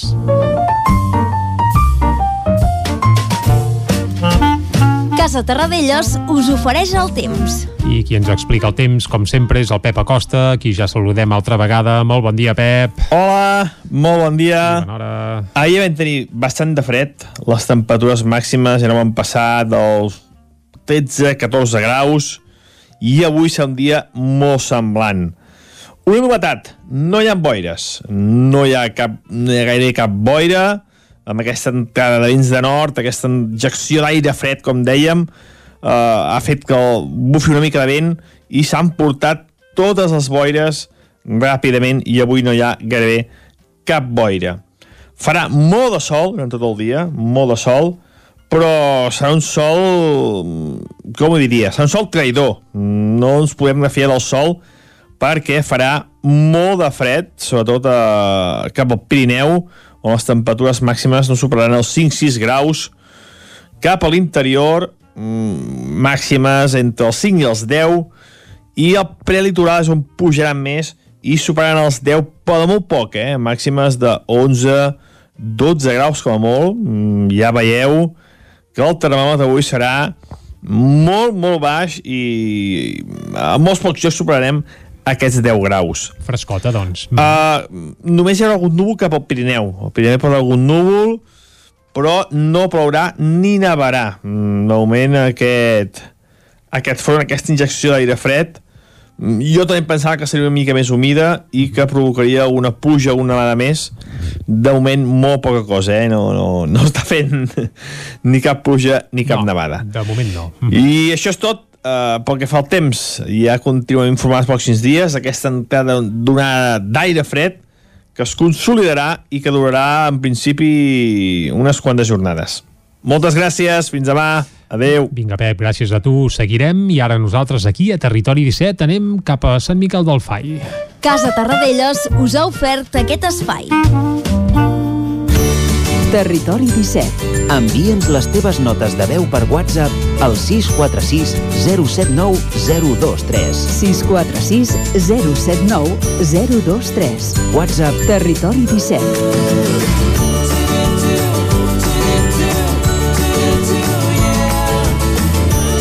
Territori 17. Som a Facebook, Twitter i Instagram amb l'usuari Territori 17.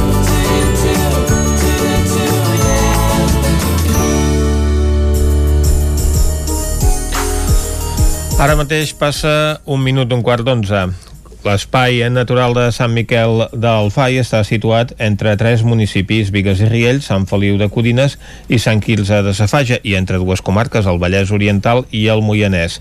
El recinte és propietat de la Diputació de Barcelona des del juny de 2017. Fa anys que es troba tancat, sense cap data de reobertura, en principi per les obres que s'han de fer al monestir i als accessos, ja que estan deteriorats i és perillós accedir-hi. Anem cap a Sant Miquel del Fai des d'on Codinenca ens hi acompanya la Caral Campàs. Bon dia, Caral. Hola, bon dia, Vicenç. Uh, doncs sí, alertats pel vandalisme i la deixadesa que hi ha a l'entorn de Sant Miquel del Fai per aquestes obres que estan relativament aturades, ara en parlarem, una veïna de Centelles ha volgut impulsar una recollida de firmes i per parlar-ne tenim al telèfon a Maria Teresa Gallifa. Bon dia, Maria Teresa. Molt bon dia. Molt bon dia. Uh, bé, explica'ns com està l'entorn de Sant Miquel del Fai. No sé si has tingut l'oportunitat d'apropar-t'hi últimament des de Centelles.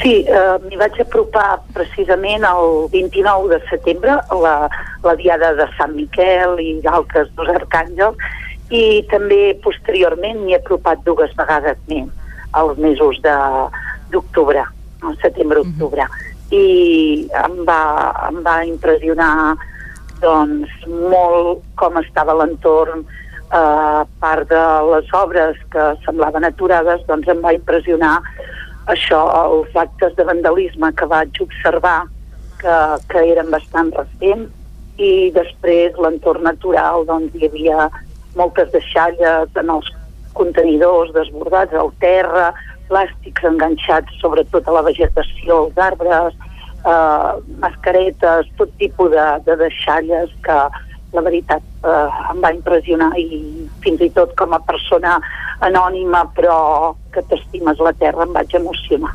Mm -hmm. Sí, em vaig emocionar. La iniciativa de recollir signatures l'has impulsada tu sola, hi ha un grup de persones al darrere. Què, què preteneu amb aquesta iniciativa?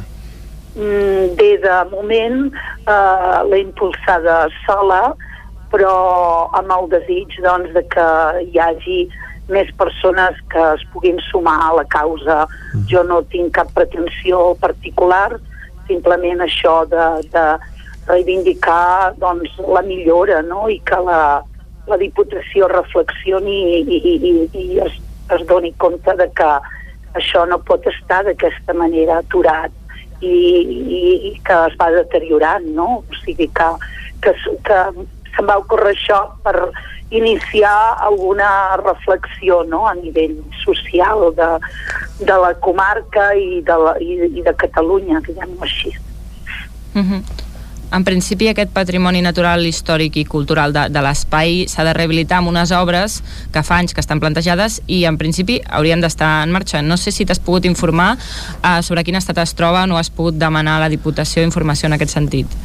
Uh, no, però el mateix dia 29 vaig poder parlar amb un guarda que uh -huh. acabava la seva jornada de treball i em va estar comentant que les obres eh, estaven de, uh, aturades fa molt de temps, que més aviat estaven allà per, per preservar l'espai dintre de les seves limitades possibilitats dels actes de vandalisme.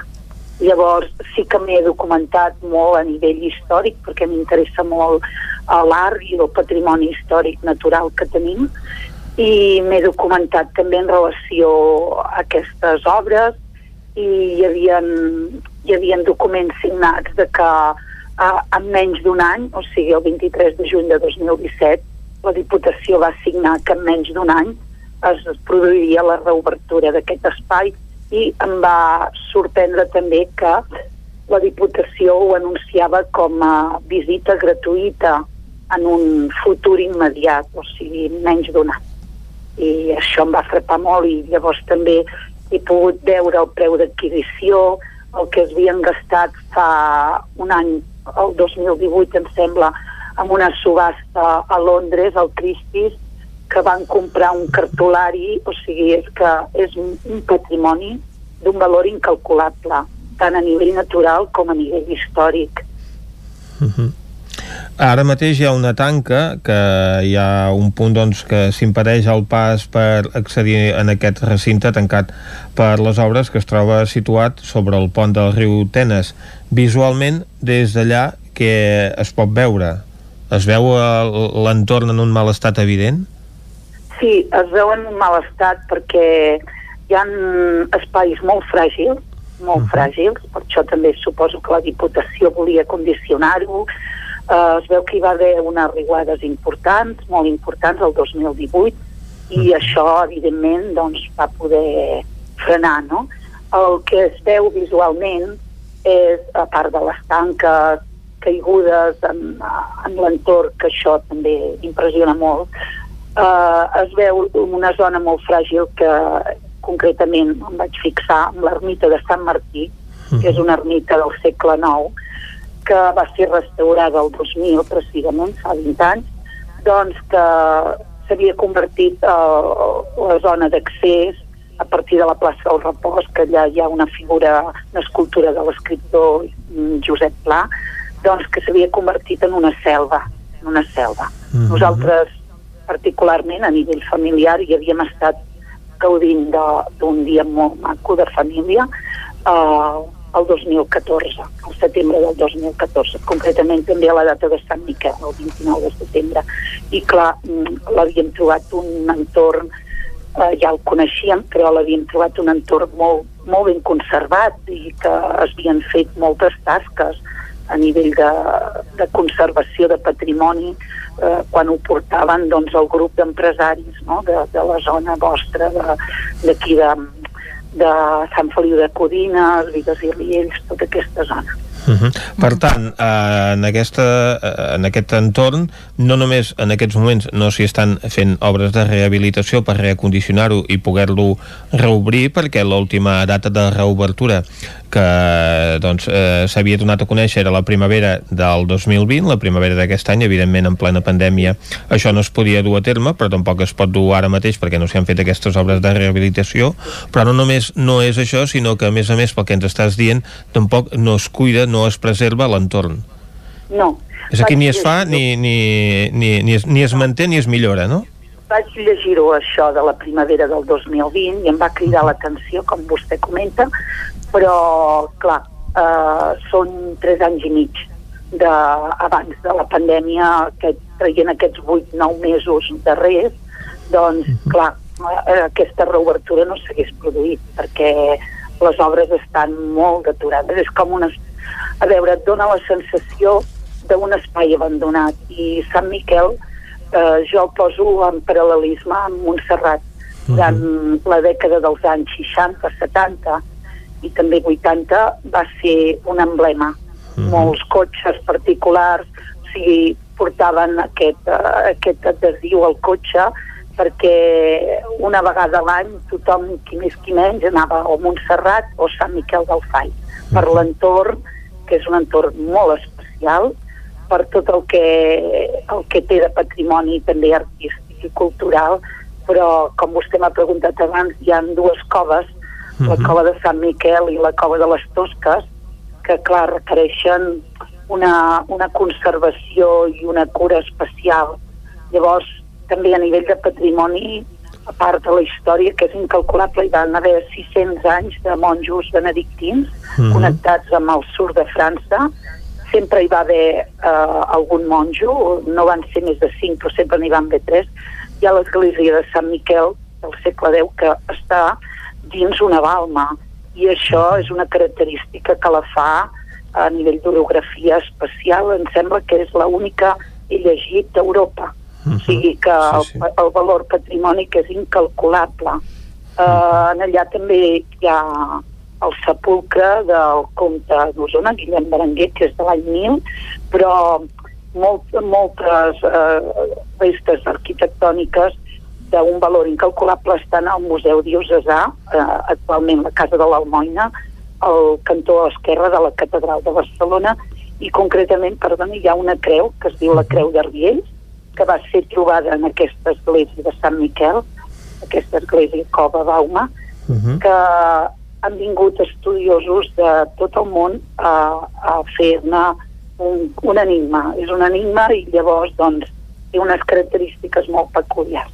Uh -huh. que indiscutiblement el tema, repeteixo, ho he comentat diverses vegades, el tema cultural és d'un valor um, incalculable i el tema natural clar, és, és, és el mateix, o sigui, és una balança que hi ha la natura i la cultura que penso que ara aquell matí esperant la vostra trucada pensava és com una persona la metàfora de que abandoni i deixi la seva casa uh -huh. deixi que caigui la seva casa, no? Vivim en aquesta casa, és la nostra terra i hi havia molt coneixement de gent de turisme exterior que venia a visitar també aquest patrimoni. Per tant, eh, si els de casa no valorem la nostra terra, la nostra llar, la nostra Maria Teresa, se'ns acaba, se acaba el temps, hem de deixar-ho aquí, doncs eh, prenem nota d'aquesta recollida de signatures per salvar Sant Miquel del Fai. El nou FM, la ràdio de casa, al 92.8. Només pensar en passar aquesta nit sense calefacció amb aquest fred? No es preocupi, hem analitzat a fons la caldera i de seguida quedarà reparada i en funcionament. Quan tingui un problema amb la seva caldera, vagi directament a la solució. Truqui sempre al servei tècnic oficial de Saunier Duval i despreocupis, perquè som fabricants i coneixem les nostres calderes peça a peça. Informis a Oficiat Nord trucant al 938860040. Saunier Duval, sempre al seu costat. Farmàcia Vilaplana, productes de cosmètica de marca pròpia Lierac i Nux. Farmàcia Vilaplana, vine a veure els nostres packs de productes d'higiene i cosmètica per a aquestes festes. Regala salut i bellesa als que més estimes. Farmàcia Vilaplana, ens trobaràs a la plaça Major 17 de Vic. Cocodril Club. Si t'agrada la bona música dels anys 60, 70 i 80, escolta el 9 FM als matins de dissabtes i diumenges d'11 a 1. És el temps del Cocodril Club, tot un clàssic de la ràdio, amb les bases del pop-rock, les llegendes, les cançons que s'han convertit en autèntics himnes. Recorda, dissabtes i diumenges al matí, d'11 a 1, al 9 FM 92.8. Cocodril Club, el programa revival de l'Albert Malla. Hasta luego, cocodrilo. Anuncia't al 9FM. La màquina de casa. 9 3 8 8 9 4 9 4 9. Publicitat arroba al 9FM.cat. Anuncia't al 9FM. La publicitat més eficaç. La Fogonera, resistència gastronòmica. És un restaurant? És un rostidor? És La Fogonera, la cuina en directe des de GURB, on encarregues, ho vens a buscar i ara també t'ho portem a casa. La Fogonera, resistència gastronòmica. Ara amb la fogonera de dia amb aperitius, arrossos, segons plats i postres. I quan cau la nit, ens transformem en un popurri culinari. Burgers, pizza, pasta... Truca al 93 851 55 75 o entra a lafogonera.cat. La Fogonera, el teu aliat gastronòmic. Òptica Visual Opti3. Regala qui estimis, visió, salut, protecció, prevenció i moda. Per tu, regala't una revisió visual completa. Visual Opti3, la teva òptica. Ens trobaràs a Facebook, Instagram, visualopti3.com i a la plaça Major 39 de Vic. Per estar bé a casa, vine a Mobles Verdolet. Sofàs, sales d'estudi, dormitoris, menjadors i molt més. Mobles fets a mida. Mobles Verdolet. Ens trobareu al carrer Morgades 14 de Vic i al carrer 9 44 de Torelló i també a moblesverdolet.com. Mobles Verdolet. El 9 FM, el 9 FM, el 9 FM.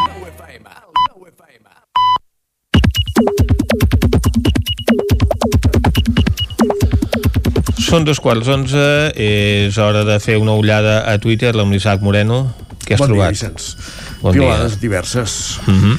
Comencem amb una pila d'Antoni Strubel, que no seria usonenc ni, ter ni territorial 17 més aviat gironí però sí que té repercussions usonenques llavors el, el seu tuit diu la prova que Junts per Catalunya igual Convergència escrit així amb, amb Convellà C-U-M-B-A és eh, la prova que Junts per Cat és igual a Convergència és el suport que té de notoris pujolistes com Aurora Madaula, Toni Comín, Pep Puig, Tati Forriols, Marina Geli, Pep Andreu, Pep Guia o jo, tots accionistes de Banca Catalana. Clar, entre tots aquests citats ha, sí que n'hi ha algun de, de zonenc, més d'un, de fet. O algú qui treballa. Ex, també, ja són tres. Eh, I per tant, un dels al·ludits, Tati Forriols, respon... Eh, respon respon que, que sí, que, que té raó i aquesta pilada no l'he compartit, fantàstic uh -huh. uh, més qüestions Ah, no, diu sí, Tati Forriols. Diu, vols dir? En parlem el 14 de febrer a la vesprada. No res, veurem quants vots estan per la confrontació intel·ligent. Enric Xicoi, des de Trolló, periodista, diu després de mil dies de presó prioritzar els interessos electorals dels socialistes per no fer la reforma de la llei de sedició és un exemple molt clar de 1. No ens podem fiar de les promeses del govern 2. El pacte dels pressupostos no té compensacions ocultes. Gran descobriment. 3. Deixar que els presos polítics passin un altre Nadal a la presó és tortura. 4. No hi haurà solució política al conflicte mentre el PSOE i el PP siguin majoritaris. Doncs així ja podem anar esperant. Anar fent, també. no? Sí. Des del Lluçanès, Eva Buixader, alcaldessa de Lluçà. La violència desenfrenada de Xavier Fumanya cap als joves del Lluçanès que diumenge passat va exercir, van exercir el seu dret de protesta no violenta per a fita desacredita totalment l'empresa i la planta. El departament hauria de prendre nota. Llavors ho posarem a l'informe, també, sí. Des de Roda de Ter, Jaume Salés diu acabo, acabo de tornar a llegir Els pilars de la terra de Ken Follett. M'ha agradat tant com el primer cop fa molts anys. Es confirma el bon record que en tenia. Eh, nota luctuosa, Sergi Cirera, des de Sant Hipòlit de Voltregà, ens ha deixat l'Eudal Molist, també conegut com en Xirri, veí de Sant Hipòlit, soci aficionat compromès del Voltregà, des de la fundació del club i antic membre del Junta. En aquests temps de pandèmia i restriccions venia als voltants del pavelló abans de cada partit, interessat pels primers equips i preguntant quan podria tornar a entrar per veure'l jugar. M'entristeix la seva pèrdua i m'enorgulleix l'amor a tota una vida de club i poble. Descansa en pau, Xirri. Més qüestions. Gerard López. I fa un temps vaig pensar que Twitter era un lloc amb un gran potencial per engreixar l'independentisme. Ara penso que s'ha convertit en un lloc amb un gran potencial per la seva autodestrucció. Obrim capítol Barça, Xavier Febrer. Si fos soci del Barça votaria en la porta, però com que no ho soc, se me'n refot qui guanya. Dubto que un canvi de president pugui fer-los tornar a ser el que eren. Quan hi eren, tothom deia que només passaria una vegada. Doncs au. Si fa el tuit és que no se n'hi refot tant el Barça. També és, també és cert. Xavi Font avisen amenaçadorament a la ràdio que si aquest cap de setmana la gent se'n va a un poble no es podrà moure del poble, com els del poble cada cap de setmana, dic jo. Uh -huh. Etiqueta Can Fangarruls. Jordi Vilarrodà es fixa en un tuit del doctor, en un fil del doctor Pedrós, diu fil del doctor Pedrós, fem-li cas i no derivem cap als polítics les responsabilitats individuals. Ells s'han d'ocupar que hi hagi cobertura social, sí, però les conductes de risc són cosa nostra. I llegim ràpidament un parell de tuits d'aquest fil de, del doctor Pedrós la tercera onada és a la porta, el que fem i com actuem individualment i col·lectivament... Això no té res a veure amb el Barça, eh? No, res. La tercera onada és a la porta, el que fem i com actuem individualment i col·lectivament les properes setmanes condicionarà molt la seva duresa i gravetat. Ple hivern, altres malalties, incògnites sobre la grip, imploro a tothom actuar responsablement. Les xifres sanitàries no són bones, si us plau. En nom dels professionals sanitaris demano que no us relaxeu en el manteniment de distància, ús de la mascareta, higiene i ventilació i en minimitzar trobades a casa de grups no bombolla. No us feu trampes, no és tan difícil. Si us trobeu, si no sou grup de convivència, només traieu-vos la mascareta quan estigueu menjant o bevent tant si esteu a l'aire lliure o a casa. Tan difícil és d'entendre-ho i practicar-ho? Doncs queda dit. Marc Comas, ahir entrant a Ripoll, diu, algú ens pot explicar què fan 12 agents de la Guàrdia Civil a l'entrada de Ripoll intimidant la gent amb matrallades a crits de fuera del cotxe, mirando al frente, las manos fuera de los bolsillos? Doncs jo no ho sé respondre, francament. De. El numeret, potser, no? Més aviat. David Vinyoles, des de Centelles, ara mateix a l'estació de Centelles, aquest semidirecte aturat sense obrir les portes. A la zona 5 no tenim parada de semidirectes i és necessari. A més, fa prou ràbia veure que paren i no obren. Doncs una, una mica sí. Anna Pont diu, quan sento algú dient amb Ric em salten els ploms. Amb Ric, dos en lloc de dues, eh, no sé els quarts a les hores, n'hi ha tantes d'aquestes que, que ens fan saltar els ploms. I tant. I acabem amb l'alcalde de Ripoll, en Jordi Monell, i ho tornem a gaudir durant les festes a Ripoll del Pessebre monumental de Toni Colomer. I és un tuit falca on anuncia doncs, la, aquesta exposició de diorames quan uh -huh. es mhm. pot i com veure. Anem a veure doncs, què diu en portada al 99.cat. Doncs mira, per exemple, l'edició vermella, eh, l'edició verda, perdó, del Vallès Oriental, com serà el mercat de Granollers al Parc Firal, ens ho expliquen en aquest post. Mollet recupera el mercat amb el 100% de les parades. Salut incita, inicia el cribatge intensiu a Canovelles i a tres barris de Granollers i Granollers participen al Dia Internacional de la Ciutat Educadora. Això, com dèiem, a l'edició digital del 99.cat del Vallès Oriental. La d'Osona i el Ripollès, aquest matí en directe. El webinar de Daniel Batlle parla de màrqueting i comunicació en petits i, petites i mitjanes empreses en la nova realitat empresarial. L'Aus d'Or per Zo Studio de Vic. Osona s'endú 7 premis Port d'Or, però cap dels guardons especials i també 407 proves i 5 positius en el primer dia de cribatge amb testos d'antígens a Vic. Molt bé, doncs moltes gràcies Isaac. Anem nosaltres cap a la taula de redacció. Bon dia. Territori 17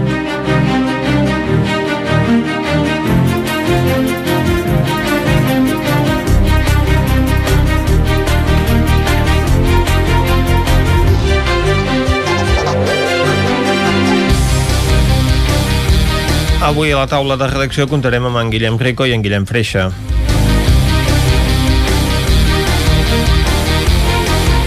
Parlem eh, en primer lloc, eh, Guillem Freixa, d'aquesta reunió de la Junta de Seguretat que es va fer a Vic en presència del conseller d'Interior que va posar doncs, Osona com a model d'integració entre els diferents cossos policials. Sí, eh, efectivament, hi va haver aquesta trobada en aquesta Junta Local de Seguretat de la ciutat de Vic i el conseller d'Interior, Miquel eh, Samper, que va posar com a exemple la capital d'Osona com una ciutat en què es, van, es fan bé les coses a nivell de coordinació entre cossos policials. A Vic hi ha Urbana, uh mhm. -huh. també hi ha, òbviament, a Comissaria de Mossos d'Esquadra i tenen diverses competències, doncs va, poder, va posar d'exemple Vic amb aquesta coordinació que diu que s'hauria de traslladar a molts, molts altres punts de Catalunya, que si existís aquesta coordinació que es fa a Vic, doncs uh -huh. sense posar eh, cap efectiu més eh, tenen controlat, tenen detectat que es podria augmentar entre un 25 i un 30% l'eficàcia del, uh -huh. del servei policial, del servei de seguretat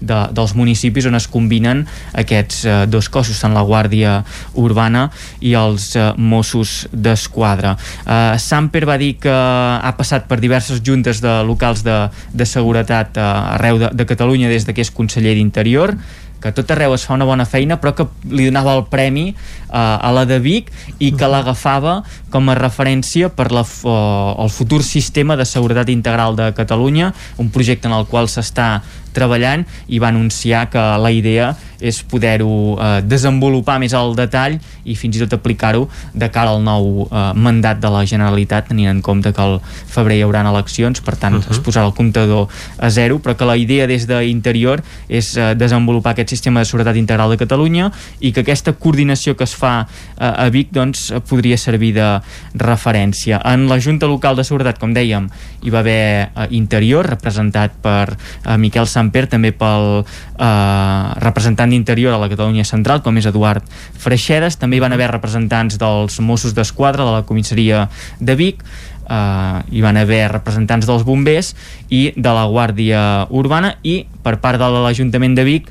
-huh. l'alcaldessa Anna R també la regidora de Seguretat Elisabet Franquesa Anna R també es va mostrar satisfeta d'aquestes paraules que els hi dedicava no, el, el conseller i va dir que si hi ha alguna cosa que sí que els hi preocupa en matèria de seguretat a Vic és l'accidentalitat, uh -huh. que mhm. encara hi ha masses accidents a, a l'interior de la zona urbana. Molts atropellaments, no? Exacte, molts atropellaments, eh, deia això, eh, que en punts concrets tenien detectats que, que hi havia hagut molts atropellaments, que eren punts negres dins el, el municipi de, de Vic. En uh mhm. -huh. concret, el 2019 es van comptabilitzar 643 accidents de trànsit en zona urbana de Vic, la meitat dels quals van ser xocs o embestides entre vehicles, però hi va haver un 7% mhm. d'atropellaments, que uh mhm. -huh. és una, una xifra força elevada. Durant aquesta visita eh, també es va comentar el tema de la Covid-19, les mesures que s'han pres, perímetres municipals, eh, seguiment de les mesures de les mascaretes, dels eh, tocs de queda, i es va dir una xifra, 1.300 denúncies són les que s'han posat a la ciutat de Vic des de que es va iniciar eh, la pandèmia per no complir aquestes mesures per frenar la Covid-19. Uh -huh. I en el tram final, ja preguntes dels periodistes, també van sorgir temes eh, d'àmbit eh, comarcal, un uh, d'ells és la la seguretat del Lluçanès, el territori del Lluçanès que ha reclamat més presència dels Mossos, fins i tot es, es va comentar o s'estava treballant en una comissaria de proximitat en aquest territori. Samper va dir que de manera immediata no es podria fer perquè ara mateix els recursos són molt i molt limitats, uh -huh. però sí que s'està treballant perquè en qüestió de mesos es pugui començar a obrir un dia a la setmana. Ell parlava dels uh, diumenges o des del Servei d'Interior de Catalunya uh -huh. Central ens parlaven dels diumenges, dia que també hi ha mercat Clar. a Prats de Lluçanès uh -huh. i que sobretot serviria perquè la gent del territori tingués més facilitats a anar a fer uh, tràmits, a presentar uh, denúncies i també a tenir un contacte més directe amb uh. -huh. la policia catalana, amb els Mossos d'Esquadra. I en segon lloc també va sortir el tema de les càmeres de videovigilància, una eina per la qual hi han apostat diversos municipis de la comarca per reforçar la seva seguretat, municipis sobretot eh, que han patit episodis de, de robatoris en, en algunes de les urbanitzacions o que uh -huh. per l'estructura urbanística del seu eh, municipi doncs, pateixen aquest, aquest tipus de delictes.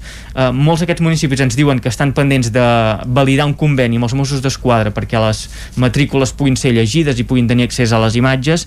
I des d'interior també ens deien que s'està acabant de fer aquest eh, tràmit que una de les causes és la validació de les imatges, que les imatges es captin correctament, que les lectures siguin correctes i que per això han de passar eh, un miler de cotxes, uh mhm. -huh. diguem, visionats i que quan això es produeix llavors es pot eh, avançar en el conveni que s'estava en aquest procés i posaven l'estiu com a data perquè tot eh, comenci a funcionar.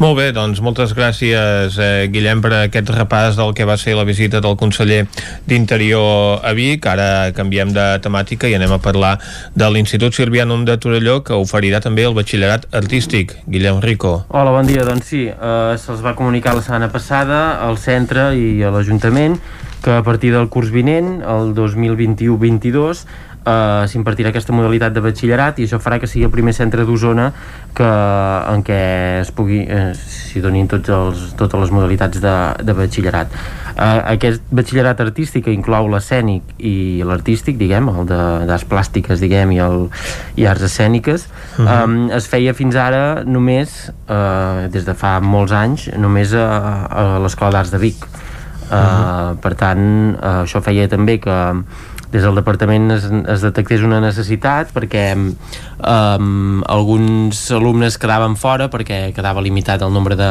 de places i d'aquesta manera també es pretén donar cobertura diguem a la part nord de la comarca que també podria agafar alguns alumnes del Ripollès perquè allà no s'imparteix tampoc aquesta modalitat i de fet persones del Ripollès que el volen fer doncs molts acaben anant també a Vic uh, per, per fer-lo uh -huh. uh, des de l'institut doncs això, contents de, de que es pugui fer ara tot just s'ha comunicat la notícia s'ha d'acabar de, de, de parlar d'anar-ho encaixant tot perquè volen aprofitar doncs, el potencial cultural que té el municipi de Torelló um, per, per fer un treball conjunt també no? perquè, perquè es puguin utilitzar també deien que des de l'Ajuntament hi ha tota la predisposició perquè es puguin utilitzar també doncs, les instal·lacions de, del Teatre Sirvianum, que es pugui fer servir també alguns espais de l'Escola d'Arts Plàstiques per temes, per exemple, de modelatge, etc. I, i també doncs, no, intentar implicar una mica, també hi ha tot el tema creatiu a nivell artístic de, de les carrosses, que uh mhm. -huh. també poden implicar, també volen mirar d'implicar-hi, doncs, hi ha grups de teatre, etc. doncs intentar, intentar doncs, barrejar-ho tot i ja uh -huh. no mhm. tenim més temps, no? Doncs, efectivament... Eh, parlarem del batxillerat de Call d'Atenes un altre dia. Sí, senyor, parlarem un altre dia del batxillerat de Call d'Atenes. Moltes gràcies, Guillem. Tanquem aquí la taula de redacció. Territori 17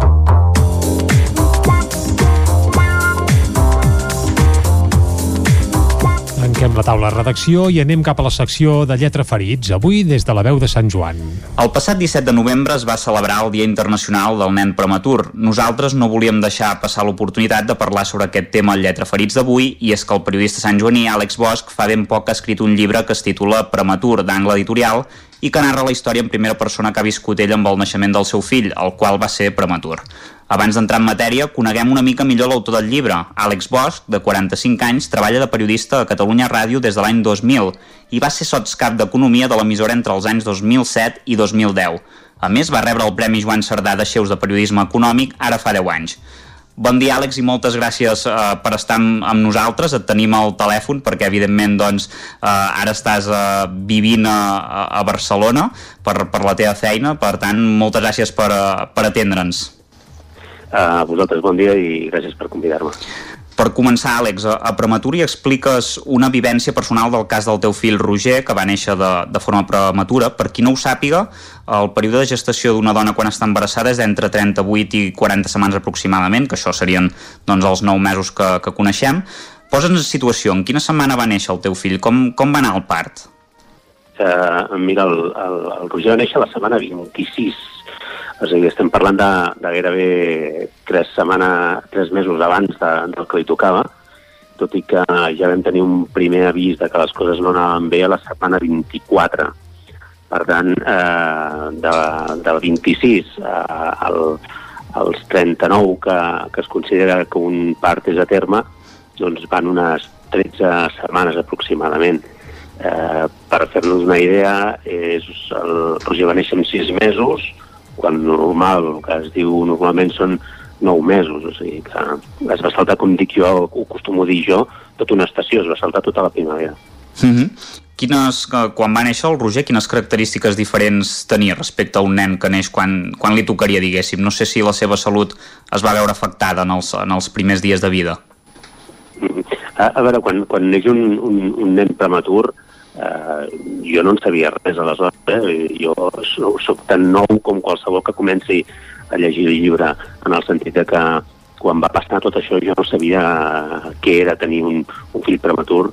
Eh, nosaltres teníem una nena que aleshores tenia 5 anys, que va néixer a la setmana 40, per tant, no en sabia absolutament res del que era eh, tenir un, un fill prematur. Eh, la, el problema de, de tenir un fill prematur vol dir que bona part de l'evolució física, psicològica, eh, etc que faria dintre de la panxa l'ha de fer fora.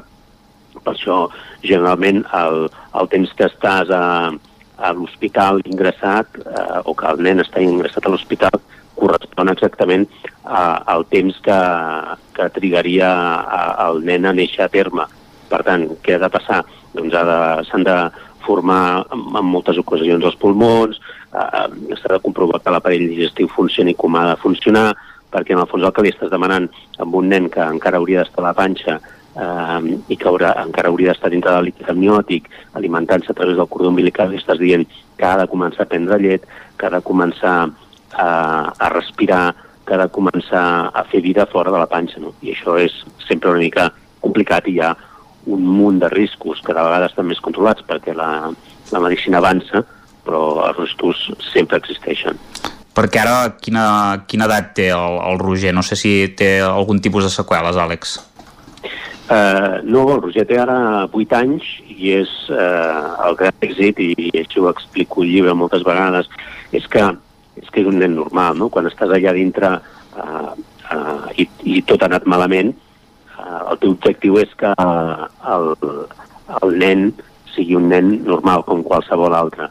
Uh, avui en dia el Roger és un nen absolutament normal, és un nen més de l'escola, un nen més de la classe, un nen més de les activitats extraescolars, eh, i no té seqüeles eh, evidents ni, ni, ni no evidents. Hi ha alguna coseta que ha tingut, però ara mateix no hi ha res que et faci pensar que el Roger va ser prematur. De fet, a, aquests dies hi ha molts companys de, del Roger, els pares de, dels companys de, les, de la classe del Roger, que s'han sorprès al veure publicat el llibre perquè no sabien que el Roger era prematur. Carai. Uh, durant el part m'imagino que tant tu com la teva dona vareu patir molt. Com, com es reflexa això en el llibre? Va costar de plasmar-ho, això? Sí, a mi m'agrada també parlar molt del, del llibre, no, no tant com, com a, com a l'explicació de, de, del que va passar, sinó també com el, com el fet literari. És un llibre que, que, que fa literatura, és a dir, eh, és una novel·la. Està escrit i pensat com una novel·la, Eh, el que passa que és evident que, que el tema que tracta i el fet de que gairebé el 90% del que hi explico eh, és real i va passar tal qual, doncs eh, eh, ens el porti a catalogar com a no ficció, no? Però sí. el llibre està escrit, pensat i estructurat com una, com una novel·la en què una persona que, que, que s'enfronta amb una cosa que no estava preparat, doncs explica sobretot les pors, eh, els dubtes, eh, la, la incapacitat d'intervenir en una cosa que és teva, és a dir, quan, quan tu tens un nen prematur, el nen ja no depèn de tu. Quan cop està dintre de la, de la incubadora i els metges se'n fan càrrec, tu ja no pots fer res. Has de creuar els dits i, i confiar que la medicina i que tot vagi bé.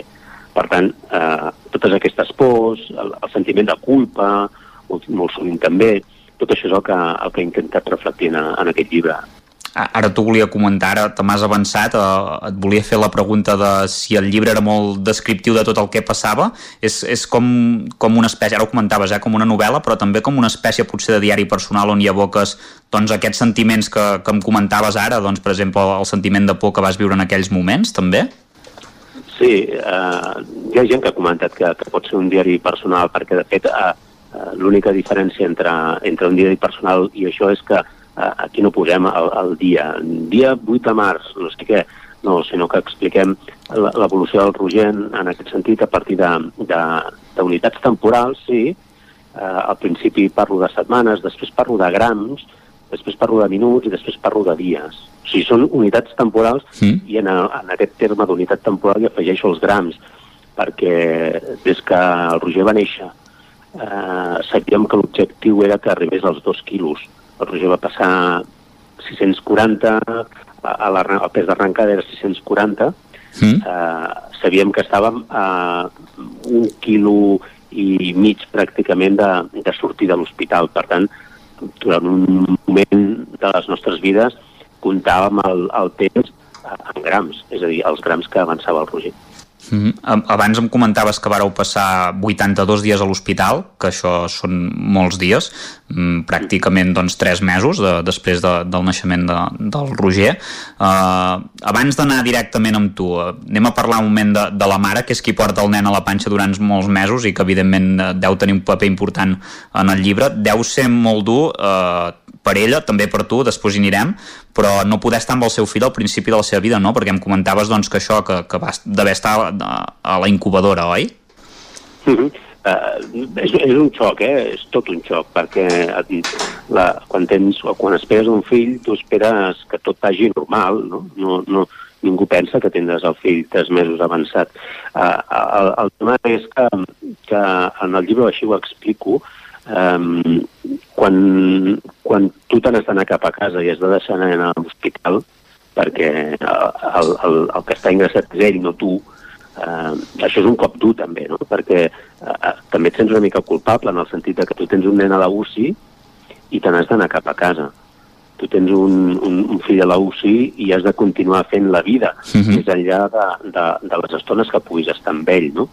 I hi havia moments que, i fins i tot al llibre ho explico, que nosaltres vam, vam decidir un dia, després de molts dies, eh, vam decidir anar a, al cinema i, i va ser un cop perquè estàvem sentint-nos molt culpables de, de, de poder d'estar amb el cinema mentre, mentre el nostre fill estava a la UCI. No? Totes aquestes coses són les que, les que explico en el llibre i, i a mi eh, també m'interessa molt eh, destacar sobretot mm. que la meva és una visió del pare eh, i d'un home mm. en un món on majoritàriament hi ha dones. És a dir, a, a, en una sala d'UCI de, de neonatologia bàsicament hi ha infermeres, bàsicament hi ha doctores i bàsicament hi ha moltes mares. Mm -hmm. uh, per sort i per temes de, de feina i de baixes de maternitat i paternitat jo vaig poder estar tot el temps de, del món uh, acompanyant a, a, al Roger i la seva mare mentre vam estar allà i vaig tenir l'oportunitat d'acostar-me a, a un món de, de, de dones, eh? bàsicament de dones. I el, una de les meves obsessions en el llibre és eh, intentar dibuixar amb el màxim respecte possible eh, aquest món, el món de, de les dones dins de la unitat de neonatologia, i també eh, posar en evidència que la força, la, la força psicològica que, que tenen les mares, les infermeres i en general en això molt millor les dones que els homes, t'ho dic de veritat. Mm -hmm. Ara m'has introduït dos temes que et volia preguntar. Uh, si et sembla, començaré pel, pel primer, que ho has una mica explicant, no? Uh, això que comentaves, eh, que et va canviar la vida, que, per exemple, amb, amb l'exemple de, del cinema, que fins i tot uh, podies arribar a sentir culpable pel fet de no estar allà. Uh, no sé quina situació familiar uh, teníeu llavors i entenc que això que comentaves, eh, que vas estar uh, també un temps de baixa, això et va comportar canvis a la feina, a part de, de la baixa, no sé si vas haver de, de canviar algun tipus d'horari o fer alguna cosa diferent, no sé com, com era la situació familiar en aquell moment. No, en aquell moment era una, una vida normal, uh, el que passa que, clar, jo tinc uh, la, molta sort, sempre ho diré, de tenir la feina que tinc i, i que en el moment que vaig haver d'agafar la baixa de, de, de paternitat, o el permís de paternitat, més que baixa, és un permís de paternitat, Uh, ho vam fer perquè, entre altres coses, la, la, la mare del Roger és autònoma i, i bé, um, no podíem sumar una crisi econòmica a una crisi emocional, no? Aleshores, uh, ens sortit més a compte um, que jo fes la, la, el permís, perquè jo passava a cobrar íntegrament el meu sou i, i ella podia continuar treballant, perquè del contrari, ja saps que això dels autònoms sí. és molt complicat i, i, i si, i si tu tens una facturació, el que cobres estant de, de permís de maternitat no és ni de bon tros el que, el que, el que cobres. Per tant, eh, nosaltres ho vam fer així. Qualsevol altra opció és, és vàlida. Nosaltres ens vam fer vam començar a gestionar els horaris nostres en el sentit de eh, jo als matins, tu a les tardes, teníem la nostra filla de, de, de 5 anys que també s'havia de gestionar, intentar també mm. protegir una mica de tot el que estava passant. Per tant, eh, jo el que dic sempre és que nosaltres eh, no és que gestionéssim res, sobrevivíem a una situació que ens estava eh, atropellant literalment. I ara l'altre tema que et volia introduir, que ho has explicat, no? Eh, el tema de, doncs, del personal sanitari. Uh, ara amb la pandèmia hem vist uh, la importància del personal sanitari. Què destacaries de la feina feta per aquest col·lectiu, que m'imagino que en el llibre ho plasmes, el, en el cas del teu, del teu fill? Uh, jo sempre, i al llibre així ho explico, no? que, que el, el, hi ha moltes coses que són atzaroses, és a dir, uh, és un atzar que, que, que tinguis un fill prematur, perquè a vegades, moltes vegades no se sap per què passa, però eh, el que no és un atzar és que tinguem una sanitat pública com la que tenim, en el sentit de que el Roger no hauria nascut eh, o no hauria sobreviscut en qualsevol país subdesenvolupat i tampoc no hauria sobreviscut eh, si no hi hagués una sanitat pública, perquè evidentment a la privada eh, nens com el, com el Roger amb 600 i pico grams se'ls treuen literalment de sobre perquè no són capaços de tirar-los endavant. Sí. Uh, aquí, per, per sort, tenim Sant Joan de Déu, tenim la maternitat, tenim la Vall d'Hebron, tenim Sant Pau, són hospitals que són capaços de, de tirar endavant nens, eh, el que es diu prematurs extrems, és a dir, nens nascuts per sota de la setmana 29, que són eh, casos molt extrems, però que ells, amb molta ajuda i gràcies a, a, la, les inversions que s'han fet segurament en, en, en sanitat pública, doncs, doncs els poden tirar endavant i a més els poden tirar endavant eh, en, en moltes, moltes ocasions eh, sense pràcticament seqüeles o amb seqüeles molt, molt portables. Si et sembla bé ara, abans d'acabar, uh, Àlex, podries llegir un fragment que hagis escollit de, de prematur perquè doncs, els nostres oients puguin veure com, com relates els fets a, en, en aquest llibre que tu has qualificat de, de novel·la també, és una espècie de diari, si ens, si ens uh, pots llegir un fragment t'escoltem amb atenció. Doncs mira, he tret un, un, un, un fragment de, de, del principi d'estar ingressat, eh, de, un cop el, el, el Roger ha nascut, perquè el llibre ja, ja hi ha un moment que parla d'abans que neixi i un cop ja ha nascut. Doncs eh, m'he agafat un tros que, que és quan ja ha nascut, que ell ja pesa 640 grams, i aleshores començo així. Eh? A través de la finestra veus els arbres marronosos del parc de la maternitat i al darrere el, ciment, el ciment del Camp Nou i de fons el cel gris d'aquesta mena de boira que ho amara tot. Tots dos callats en una habitació hospital, ella té els ulls perduts en un punt inconcret a la paret al davant. En realitat no mira enlloc. Busca. Busca una explicació. Li has agafat la mà, però no ha fet cap gest. No l'ha moguda per acollir la teva. Uns sucs a la porta trenquen el silenci. És el metge que abans ha callat quan li has preguntat si el teu fill se'n sortirà. T'explica la situació. El mateix que t'ha explicat a tu abans, us ho explica ara a tots dos. Diu que és positiu que no l'hagin hagut d'intubar, que ha pogut respirar sol des del principi. Aparentment està bé, diu. Després afegeix que caldrà veure com evoluciona. La Marta li pregunta si se'n sortirà. El metge li llarga la mà, li toca el braç amb una carícia i li diu ho anirem veient, hem de comprovar si ha patit durant el part. Una frase que fa pensar en fatalitat, en seqüela. Plora. La Marta plora. Tu també. Aquest cop plores perquè la veus plorar, perquè comparteixes la seva por sens dubte doncs, és un llibre que només per aquest fragment ja és el que comentàvem, eh, que evoca molts sentiments i que en alguns moments, no sé si en alguns moments pot fins i tot eh, et pot fer caure alguna llàgrima, Àlex. Uh, a veure, el, el, no és la intenció, és a dir, és una que òbviament uh, es presta a, a, a crear groguisme, però jo n'he fugit. Uh, per sort, uh, aquestes setmanes que està llibre i que ja començo a tenir la resposta d'alguns lectors, um, me n'adono que l'objectiu està aconseguit, és a dir, l'objectiu era explicar les coses amb el màxim d'enteresa possible, sense caure en la, en la facilitat de les llàgrimes, però és evident que, que hi ha paràmetres que són durs i que a, a, a còpia de no, de, no, de no intentar jutjar ningú, de no intentar ser, ser sobretot molt explicatiu i, i molt gràfic en el que està passant, sense entrar en el groguisme, doncs sí que és veritat que m'han dit que, que clar, que a vegades s'emociona i que el missatge, mm. tot i que sigui dur, eh, el missatge que queda és d'esperança. Doncs moltes gràcies per ser amb nosaltres, Àlex Bosch, periodista i autor del llibre Prematur. Esperem que la teva experiència plasmada en el llibre doncs, pugui ajudar molta gent que passi pel mateix que, que vareu haver de passar vosaltres i que vegi que les coses doncs, poden acabar bé, com és el cas del Roger, que ara ja doncs, té 8 anys i està perfectament. Moltes gràcies per haver-nos eh, acompanyat. A vosaltres per convidar-me, gràcies. Eh? Gràcies.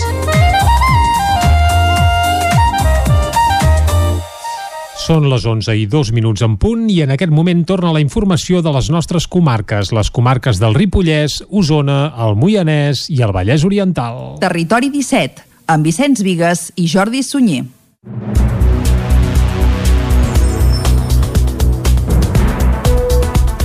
La parella de Driso Kabir explica que la maltractava però que no estava radicalitzat perquè bevia, sortia de festa i no era religiós. Isaac Muntades, des de la veu de Sant Joan. Aquest dimarts va declarar un dels testimonis més esperats en el judici dels atemptats del 17 d'agost de l'any 2017, Sara Ruan, que va ser la parella d'un dels acusats, Drisu Kabir, fins que es van produir els atacs a Barcelona i Cambrils. Ruan va relatar a la sala que Kabir no treballava i que vivia dels seus ingressos, ja que ella gran part del dia estava treballant. A més, va dir que no passaven per un bon moment de la seva relació, la qual va durar 5 anys, ja que un parell de dies abans dels atacs s'havia produït un judici per maltractaments. Tot i que vivien junts, no parlaven entre ells. El més destacat de la declaració és que just el dia abans dels atacs, el germà petit de Dris, Musa, el va venir a visitar al pis passada la mitjanit i ells dos van tenir una conversa a la seva habitació, de la qual no en sabia res. Ruan també va detallar que Ukabir va marxar a Tànger, al Marroc, a fer una purificació perquè creia que algú l'havia maleït i en base a això justificava que la parella no funcionés. També va parlar de la seva relació amb ell i per què va posar-se el vel. Eh, Yo decidí ponerme el panuelo más que nada pues porque yo con él tenía una relación muy difícil, siempre me comparaba con la gente de su casa y yo decidí ponérmelo para que viera que realmente pues que lo hacía por él, no porque él me obligara o algo. Él, me dijo que me quedaba bien, que me quedaba bien simplemente, que no me acuerdo si me decía es que para él yo tenía que estar en casa, hacer comida y mantenerlos, que es lo que me, me marcaba él. La parella de Dris també va dir que Musa estava molt estrany, ja que anava molt tapat en ple estiu i que també anava molt ben vestit. Sobre la vida que portava Dris, Ruan va apuntar que bevia, sortia de festa i no feia el ramadà. De fet, una sèrie de coneguts i amics de Dris que van declarar, entre ells el seu cosí, van assegurar que Dris no era religiós, que no anava a la mesquita i que no vestia mai xilava. Pocs dies abans dels atemptats, Ukabir va convidar uns amics d'origen francès a dormir a casa seva. També van declarar testimonis que asseguraven haver vist a Dris en un bar de Cambrils o que van veure la furgoneta de Telefurgo a Ripoll amb Omar Hishami i Younes Abuyakub, i fins i tot una tercera persona que no van identificar. Al judici també van declarar una desena d'agents especialitzats en explosius dels Mossos d'Esquadra que van explicar els aspectes de les explosions del canà i tots els recipients i artefactes localitzats allà. En total hi havia 17 granades, 28 tubs de PVC i un cinturó d'explosius. Bàsicament, els TEDx van arribar a la conclusió que era un laboratori per preparar explosius de TATP amb granades i material electrònic suficient per fer quatre cinturons explosius amb faixes de protecció lumbar i que hi havia entre 200 i 500 quilos d'explosius. Aquest dimarts es van posar en marxa els cribratges massius a Osona amb test d'antígens davant del Cap Nord i Sud de Vic per detectar positius asimptomàtics. Avui s'hi continuaran fent proves de 3 a 7 de la tarda. Davant del Cap Nord i Sud de Vic, durant el matí d'aquest dimarts s'hi van fer testos d'antígens de manera gratuïta a persones majors de 16 anys. Els resultats es podien saber en menys de 20 minuts, una agilitat que agraïen les persones que van acudir a fer-se la prova. És el cas d'Alberto Franco i Alba Comas Olives. Va bastant ràpid, uh, he estat mitja hora esperant i tot això, hi ha bastant cua, bastant de gent, suposo que això és positiu, que la gent tingui una mica de conscienciació. Vaja, ara que feien la, les proves d'aquí a Vic, el cribatge aquest al matí, com que estava, ho tenia bé per venir, hi havia una mica de cua, però bueno, tot és per la causa, vull dir que tot és, i està molt ben organitzat, la veritat és que és, és molt ràpid i, i és interessant, i penso que la gent hem de participar. Al migdia, l'alcaldessa de Vic, Anna R, feia una crida a la població perquè acudís als cribratges. part d'aquesta oportunitat que Salut ens ofereix també tenim un missatge, m'agradaria donar, de responsabilitat. És a dir, som responsables tots, és a dir, és una cribatge universal i el que cridem és a la responsabilitat de tothom que no ho hagi passat, que vingui, perquè així es podrem controlar eh, i tallar aquelles cadenes de transmissió. El fet de conèixer amb immediatesa el resultat dels testos d'antígens, segons apuntava la subdirectora regional a la Catalunya Central de l'Agència de Salut Pública, Imma Sarbós, pot arribar a permetre tallar cadenes de contagi. interessa detectar els casos, tallar cadena de transmissió i la derivada és aconseguir detectar els brots i els fonts de contagi. Des de l'equip d'assistència primària Vic Sud i Vic Nord asseguraven que durant el matí de dimarts van acudir a fer-se les proves més persones de les esperades. Van detectar que la majoria eren de més de 50 anys. De les 407 proves fetes, 5 van donar positives. Avui als mateixos punts s'hi faran proves de 3 a 7 de la tarda. Nou residents i un professional de la residència Sant Gabriel de Centelles han donat positiu al test d'antígens que es va realitzar aquest dilluns al centre. Així mateix ho confirmava aquest dimarts l'Ajuntament del municipi. Segons informen, nou residents i un professional haurien donat positiu a la prova. D'aquests nou, un d'ells va morir la nit de dilluns. Es tracta de la primera defunció per coronavirus que es produeix al centre des de l'inici de la pandèmia. Els testos d'antígens es repetiran demà dijous i a finals de setmana es podrà fer una valoració de com evoluciona el brot al centre. Així mateix ho avançava l'alcalde de Centelles, Josep Paré. D'aquests testos doncs, es va donar un primer resultat de 9 residents positius i una persona que hi treballa que també ha donat, ha donat positiu amb aquest tipus de, de test i malauradament aquesta nit passada hem hagut de lamentar la mort d'una persona.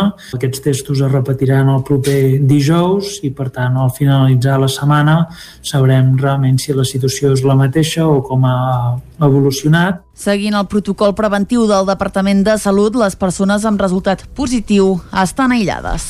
Una trentena d'establiments s'han adherit al Tu Portem a Casa, una iniciativa de l'Ajuntament de Vigues i Riells que ofereix servei gratuït a comerços i restaurants de repartiment a domicili. Caral Campàs, des d'Ona Codinenca. Actualment, 29 establiments de Vigues i Riells s'han adherit al Tu Portem a Casa, un servei de repartiment a domicili pel comerç i la restauració de Vigues i Riells. Aquesta eina gratuïta vol donar suport al teixit comercial i de restauració local que s'ha vist greument afectat per la irrupció de la Covid-19. Per això, el consistori es fa càrrec de la despesa del repartiment i de la campanya de promoció del nou servei. Toni Verdugo explicava que fa pocs dies que s'ha posat en marxa i a finals d'aquesta setmana trucaran als comerços per tenir el seu feedback sobre el funcionament del servei i ara a finals d'aquesta setmana doncs farem eh, els tornarem a trucar i trucarem a l'empresa de transport que es faci la valoració perquè la setmana, realment la setmana passada es van començar a distribuir eh, els, primers, eh, els primers productes i aquesta setmana estem a, a dimecres, demà o divendres farem contacte amb ells que es donguin la valoració. Però en general cada dia va augmentant el número, el número de transports que es va fer. En el moment que els establiments passen a formar part del servei, llueixen distintius a les portes dels locals i figuren al llistat de l'oferta a domicili del municipi. Així ho explicava Toni Verdugo, regidor de Promoció Econòmica. Aquest llistat es farà arribar casa per casa conjuntament amb la programació d'actes de Nadal per tal de fer el servei extensiu a tota la població. Sí, perquè hem editat un programa de Nadal amb tots els actes de Nadal que hi ha de joventut, promoció econòmica i cultura, i hem fet un fulletó amb aquesta informació i els telèfons de contacte dels comerços que fan aquest servei, que estan adherits a aquest servei. Perfecte, uh, Toni, moltes gràcies per l'atenció. Molt bé. Segons el regidor, cada dia reben noves adhesions al servei per part de diferents comerços. La intenció d'aquesta iniciativa, fruit d'un acord de la Comissió de Seguiment dels Pressupostos, formada per representants de tots els grups municipals, és a banda d'ajudar al comerç local, local també disminuir els desplaçaments de la població i, per tant, reduir el risc de contagi. Les escoles de Cardedeu tornen a posar sobre la taula el debat sobre l'horari escolar i l'adaptació a l'horari europeu per la conciliació familiar. David Oladell, de Ràdio Televisió, Cardedeu. Parlem de l'horari és la comissió de l'AFA de Camp Manent que va iniciar una sèrie de trobades amb professorat, famílies i ens públics per visualitzar la realitat actual dels horaris escolars a Cardedeu i a l'escola, per poder plantejar un diàleg on tothom pogués participar i aportar idees de millora. Com tot, amb la Covid va quedar frenat i ara, via Zoom, han reprès aquestes xerrades. En aquest cas, els hi tocava parlar de la jornada contínua, on l'horari escolar es centra en una franja temporal de matí o tarda. Per la jornada presencial comptaven amb la participació de Joan Sunyer, president de l'AFA Can Fabra, Escola de Barcelona, que fa 9 anys que treballa amb jornada continuada, la prova pilot d'aquest horari. En el format via Zoom, el convidat va ser Xavier Díez, doctor en Història i membre del Consell Escolar de Catalunya, qui va fer presents els arguments per modular l'horari horari cap a la jornada contínua basant-se en els casos d'altres comunitats autònomes i països europeus. Xavier Díez, doctor en Història Contemporània i membre del Consell Escolar de Catalunya. Cap comunitat autònoma o pràcticament cap estat europeu s'ha fet enrere. Diguem, una vegada t'acostumes a una cosa que veus que, que funciona, no vols tornar enrere, que és el que ha passat aquí. I aquest és un dels arguments que jo crec que fa més pànic al, al propi departament perquè sap perfectament que a partir del moment en què obri l'aixeta diguem, hi haurà una estampida. El 2016 l'Ajuntament de Cardedeu va impulsar accions puntuals per fomentar aquests hàbits, com el d'avançar l'hora dels espectacles al Teatre Auditori o passar el ple a les 4 de la tarda, una mesura que no s'ha complert però sí que s'ha passat de les 7 a les 6. Cardedeu és un dels municipis impulsors del projecte de reforma horària en molts àmbits. Ara el que s'està treballant és en l'educació des de l'AFA de l'escola Campmanent. Amb aquesta reforma horària es pretén poder gaudir de més llibertat per a la gestió del nostre temps. I fins aquí el butlletí informatiu de les 11 del matí que us hem ofert amb les veus de Vicenç Vigues, Clàudia Dinarès, David Auladell, Caral Campàs i Isaac Muntades. I ara el que ens toca, com sempre arribats a aquest punt, és anar cap al territori sostenible. Avui coneixerem les bondats d'un producte molt apreciat a Riells, el seu tomàquet. Anem-hi, en Jordi Givert ens hi porta.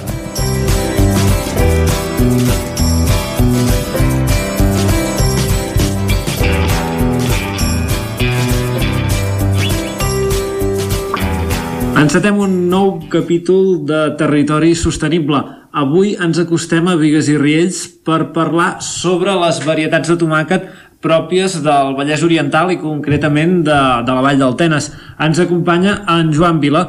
Ell és pagès de la, del Mas al Flix i, i ens parlarà sobre uh, els productes que, que cultiven a, a casa seva i que comercialitzen per diferents punts de, de Catalunya i també de les comarques del territori 17.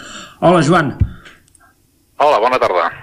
Uh, Joan, uh, per començar, uh, situa'ns una mica uh, el, el cultivar tomàquets, uh, et ve de família ja, uh, és, uh, ets, ets, de, ets de pagès, Uh, sempre havíeu uh, treballat amb tomàquet o ha vingut de nou?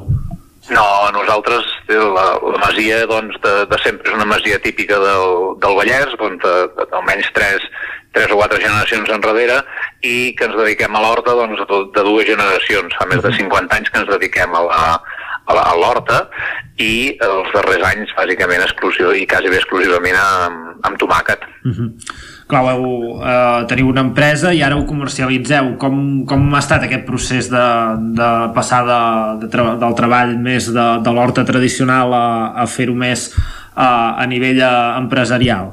Diguem. Sí, de sempre per tal de diversificar doncs havíem intentat eh, arribar al màxim a, fins, a, fins als botiguers. Doncs, durant molts anys havíem comercialitzat a través de, de Mercavallès, de Sabadell, després doncs, a través de Mercabarna també, i ara darrerament doncs, també hem introduït el, tot el tema de poder treballar directament amb cadenes de supermercats, amb totes les dificultats que comporta de, de normatives, traçabilitats, eh, envasat, eh, tot el món de la, de la logística, però és per tal de donar el màxim de valor afegit al, al producte. Mm -hmm. Clar, eh, ens interessa conèixer també quines són la, les varietats eh, amb les que treballeu. Eh, hi ha alguna varietat autòctona del Vallès o d'aquí a, a la Vall del Tenes amb la, amb la que treballeu? Sí, nosaltres fem servir dues, dues varietats eh, autòctones d'aquí del, del territori. Una és el tomàquet Montserrat, que no és exclusiu del Vallès, però sí que doncs, és de les, de les que es fan tradicionalment al, al Vallès, i després el tomàquet eh, de Riells, que és un tomàquet eh, de, de pometa, doncs que aquest ja és molt més exclusiu de la zona del, del Vallès i, i, i també una part del, del Maresme. I aquestes dues varietats són doncs, les que ara actualment, des de fa ja 3 o 4 anys, ens hem concentrat només en aquestes dues. Mm. No per altra cosa, sinó per poder-les diferenciar en el, en el consumidor perquè doncs, no podem competir davant dels sistemes de producció de les grans zones productores. Uh, ens pots fer 5 cèntims uh, sobretot d'aquest tomàquet de, de pometa que potser és el, és el més local i el que la gent coneix uh, menys uh, quines sí. propietats té i, i com és? Aquest és un tomàquet doncs, que, que es menja doncs, amb, entre color verdós cap a, cap a madurar, cap, que quan comença a madurar, quan, quan ja vira a color, a color vermell, és un tomàquet eh, carnós, acostuma a fer uns quatre lòbuls, és a dir, quan el parteixes té quatre, quatre seccions de, de llavors, de carn plena, és a dir, no, no és buit com el tomàquet Montserrat, i la seva particularitat doncs, és que la, la carn sempre, sempre és cruixent i tendeix a fer molt poca pell, amb la qual doncs, per la, per l'amanida d'estiu doncs, és un tomàquet que, que és molt, molt apreciat i molt, i molt adequat. Mm. O sigui, és un tomàquet ideal per amanides, entenem. Ah, això mateix, sí, sí, és un tomàquet gairebé eh, el, 100%, el 90% destinat a la, l'amanida, però després, doncs, amb, amb, amb madur, doncs, pot fer totes les altres, totes els altres usos, ja sigui per cuinar o ja sigui també, doncs, per fer, per fer gaspatxo. Ens pots explicar una mica el, el procés de, de cultivar-los? Uh, sí, mira, nosaltres, vosaltres. nosaltres ens ho, fem, ens ho fem tot. És a dir, tot vol dir que des de la llavor obtenim les nostres llavors fins que portem el tomàquet doncs, al, al supermercat o al, o al botiguer. Uh -huh. el, el primer que fem doncs, és tenir una instal·lació on ens fem el, el planter. Fem néixer les llavors i després doncs, les eh, ingertem planta per planta uh -huh. per tal de poder aconseguir, igual que fan amb els fruiters, doncs fer-ho amb les hortalisses, aconseguir una, una planta que sigui més, més resistent el sistema radicular i faciliti doncs, el, el, cultiu, el cultiu després. Això ens, ens facilita que no hàgim d'utilitzar ni tants adobs i a la vegada que no hàgim d'utilitzar doncs, eh, productes fitosanitaris pel tema de les, de les arrels. Uh -huh. Aquest procés doncs, ens dura entre un mes i mig i dos. Per exemple, ara el mes de novembre ja tenim plantades les primeres, les primeres sembres per començar a collir el mes de maig de l'any que ve i això ho fem tot dins de l'hivernacle. Després doncs, fem el cultiu en, el, en, els, en els hivernacles en diferents fases i les posem a l'hivernacle entre finals de, entre mig febrer i les darreres plantades al mes d'abril i després acabem el mes d'octubre. És a dir, ara fa, 15, fa un mes vam arrencar les darreres plantes i dins de l'hivernacle doncs, tenen entre 10 i 12 metres de llarg, perquè fem un sistema de cultiu que les anem despenjant, les, anem, les entuturem no amb canyes, sinó amb cordills. I d'aquesta manera doncs, podem tenir l'optimització màxima de, de l'espai. I el fet que siguin hivernacle, inclús les que tenim a l'estiu, les tenim tapades, tapades de sobre, amb, amb, amb una coberta, per tal de que no hi hagi incidència de les, de les pluges, tot i que l'estiu plou, plou poc, però que eh, tampoc no tingui incidència de les, de, de, dels factors climàtics, perquè d'aquesta manera obtenim que hem d'utilitzar molts menys productes eh, per combatre fongs. I això doncs, és una garantia que és més saludable el producte i, per, i també és molt, amb molta més, eh, qual, molta més qualitat. Um, uh, clar, quantes, uh, pel que he entès, doncs, uh, comenceu la collita a principis d'estiu de, i, i sí. dura fins, a, fins al mes d'octubre. Uh, sí, clar, qua, quants quilos de, de tomàquets uh, uh, estem parlant durant aquest temps que, que produïu, diguem-ne? Nosaltres fem més de 200 tonelades de tomàquet. Uh -huh eh, tot i ser varietats tradicionals. I nosaltres, eh, és a dir, fa uns anys teníem la, la, la, la, la sensació de que si podríem, si podíem produir a contrastació, doncs obtindríem millor productivitat i, hem de, i, i guanyaríem més diners, no? Sí. O vendríem més car el tomàquet.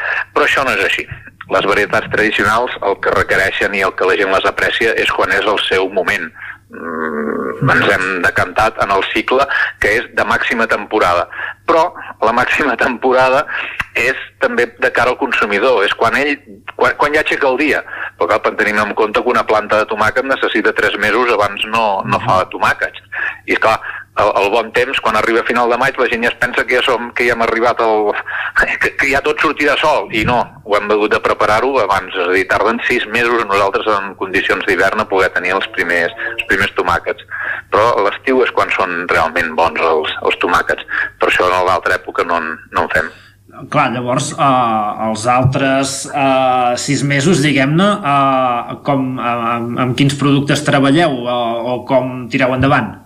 Sí, nosaltres, els, els hivernacles, doncs, des de fa tres anys ja estem fent peso, que és un producte que, que doncs, també té molta acceptació pels restaurants, de, tot i la incertesa que ara ha generat la, la pandèmia no? des del mes de març de l'any d'aquest any, però eh, doncs, cobrim el cicle en pèsol. Per exemple, ara, eh, a primers de desembre, doncs ja estem collint els primers, els primers pèsols que vam tenir, vam posar a l'hivernacle doncs, a, a l'octubre quan vam deixar de tenir tomàquet i el mes de març arrencarem el pèsol i ja posarem el tomàquet i el cicle es continua es perdura tot el temps. I també fem molt de calçot a l'aire lliure per un tema de mantenir doncs, la, la, la possibilitat de tenir feina doncs, els, a, a, a tots els treballadors que som, perquè, esclar, la resta de l'any no podem per estar parats.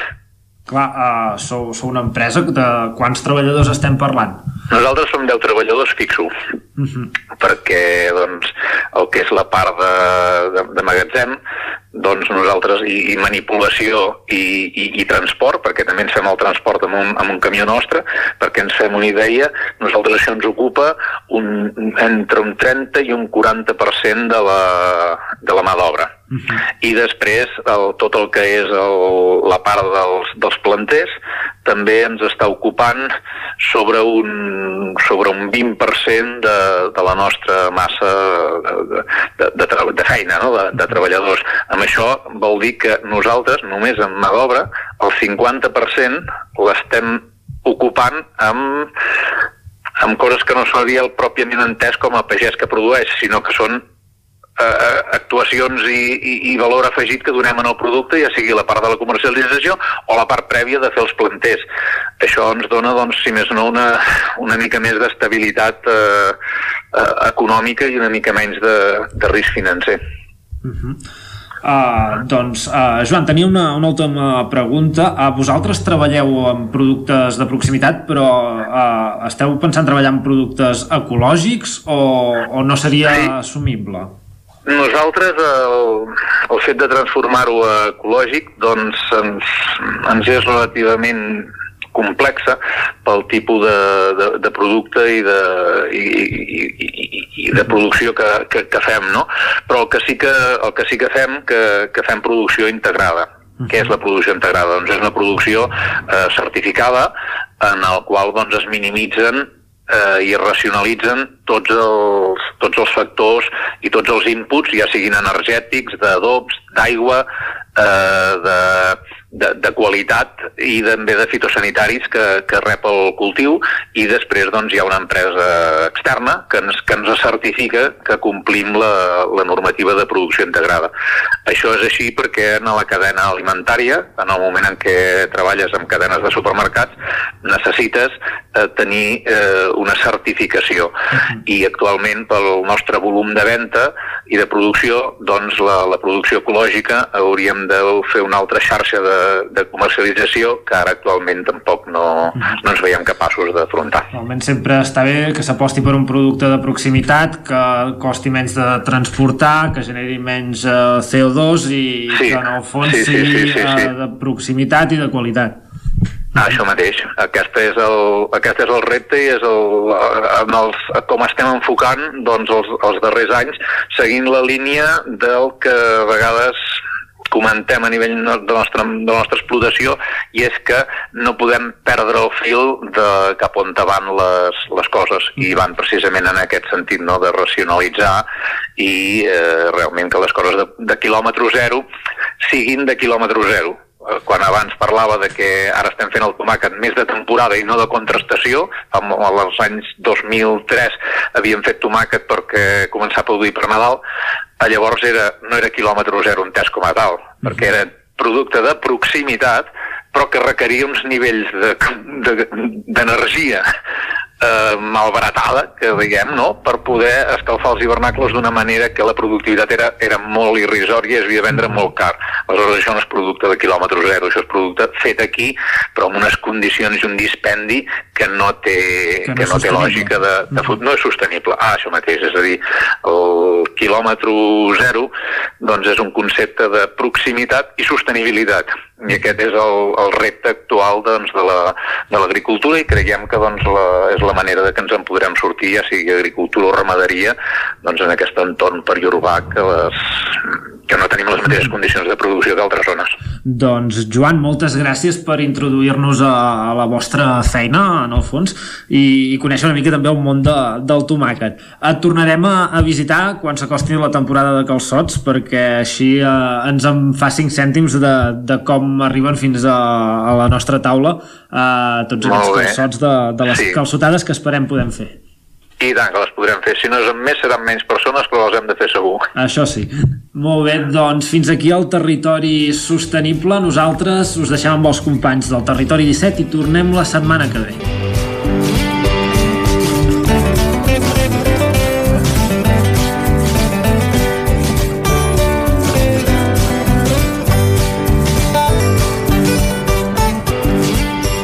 Territori 17. Carai, ja es molen les eines per les calçotades i tot, eh, en Jordi Sí, sí. i el seu convidat, i la veritat Comença és que... la temporada. Exacte. Ara, com que cada cop se'n fan abans, Sí, ja, ja en corren, eh, de calçots.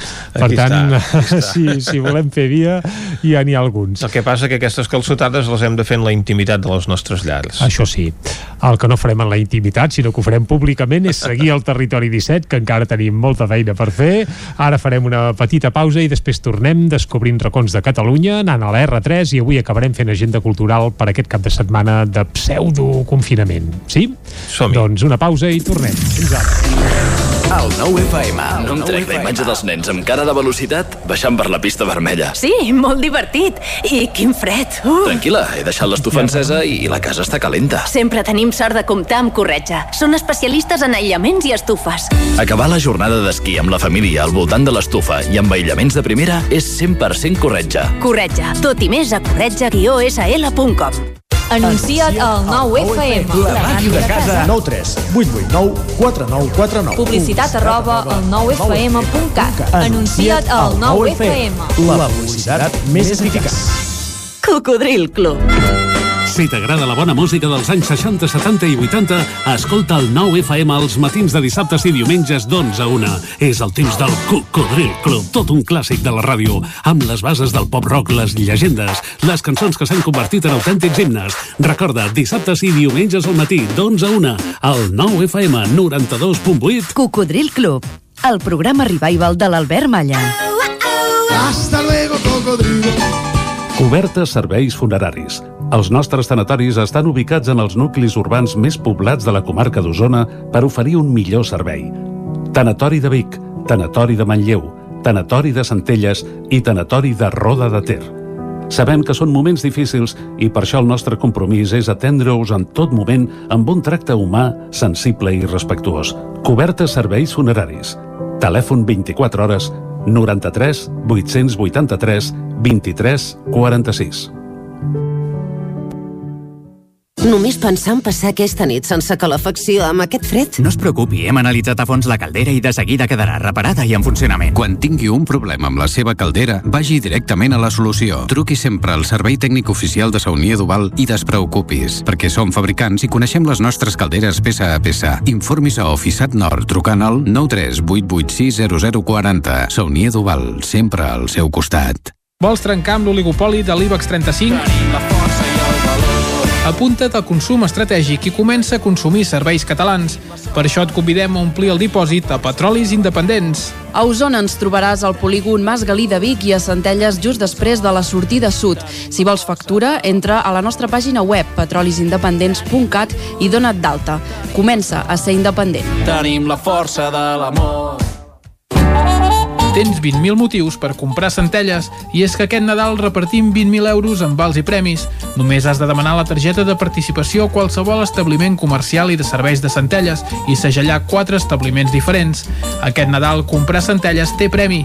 Més informació a centelles.cat. El 9 FM.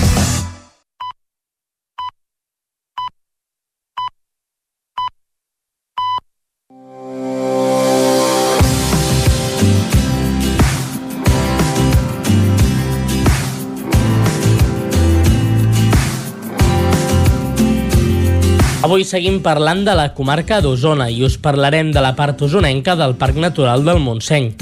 El Montseny és el massís més enlairat de la serralada prelitoral catalana i ocupa una extensió de 30.000 hectàrees distribuïdes entre 18 municipis i 3 comarques, Osona, la Selva i el Vallès Oriental. Algunes de les localitats incloses dins el parc formen part d'aquesta comarca d'Osona, com Viladrau, el Brull i Ceba.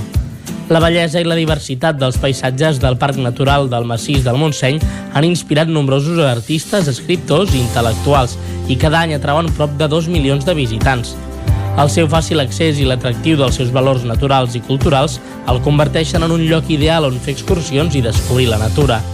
El parc destaca per la varietat de la seva fauna i flora i està reconegut com a reserva de la biosfera des de l'any 2011 i acreditat amb la Carta Europea de Turisme Sostenible, eina de gestió promoguda per l'Europarc, mitjançant la qual s'assegura que l'ús turístic del parc es desenvolupi de forma compatible amb la conservació del territori.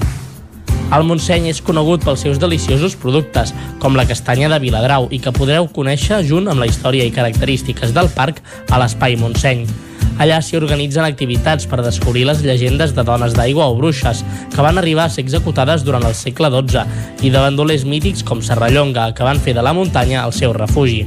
L'enorme varietat de condicions d'humitat i temperatura fan que el Parc Natural del Massís del Montseny presenti una vegetació excepcional diversa. A manera d'estrats que van canviant segons l'alçada, se superposen formacions vegetals característicament mediterrànies a les parts baixes, de mitja muntanya plujosa més amunt, d'ambients contraeuropeus per sobre dels 1.000 metres i fins a d'ambients subalpins als cims. La població de Ceba era una antiga sagrera envoltada per murs dels segles XII al XV i encara guarda una disposició centrada entorn de l'església parroquial de Santa Maria, d'estil romànic i abarrocat interiorment, i amb cases antigues ornades de finestrals del segle XIII al XVI. El terme també compta amb antigues masies de notable valor arquitectònic. El Brull està format per tres nuclis de població, el Brull, Sant Jaume de Viladrober i Sant Cristòfol de la Castanya. I actualment en podem afegir un altre, la urbanització de l'Estanyol, sorgida a l'última dècada, situada físicament entre els nuclis del Brull i Sant Jaume de Viladrober, al costat del camp de golf. Aquesta població, el Brull, és una de les grans portes d'accés al Montseny.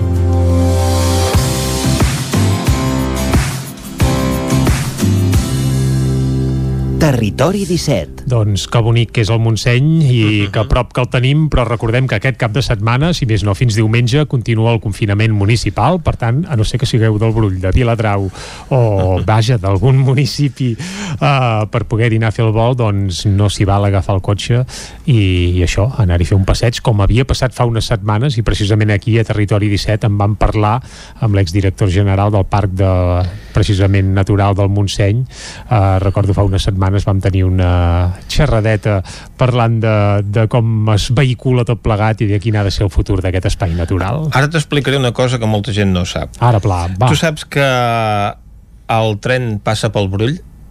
Ah, sí? Doncs, doncs no, no ho sé. Doncs ah, la home, R3... Atenció, pel, pel que és el poble, jo ara veig el Brull i no veig cap via enlloc. Ara, el terme municipal del Brull no sé per on es patega, eh? Per on acaba. és molt però gran. el que és el poble ja et ben asseguro que no, eh? Bueno, el poble són tres cases, però vaja, allà no hi he vist mai cap tren, diguem-ne.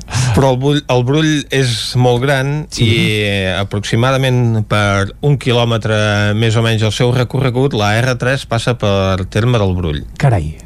Sí, Això sí. ens, ho explica l'Isaac Muntades avui a la Trenc d'Alba? O Em sem- em sembla que no. Et sembla que no, eh? Val, val. Està bé fer aportacions uh, geogràfiques i ferroviàries a, als nostres oients. Exacte, Ah. perquè passem de la geografia doncs, al tren, no? A viatjar en tren a la R3. Doncs va, anem-hi? Som-hi. Vinga, i passarem pel Brull i tot. Va, anem-hi. A Tren d'Alba.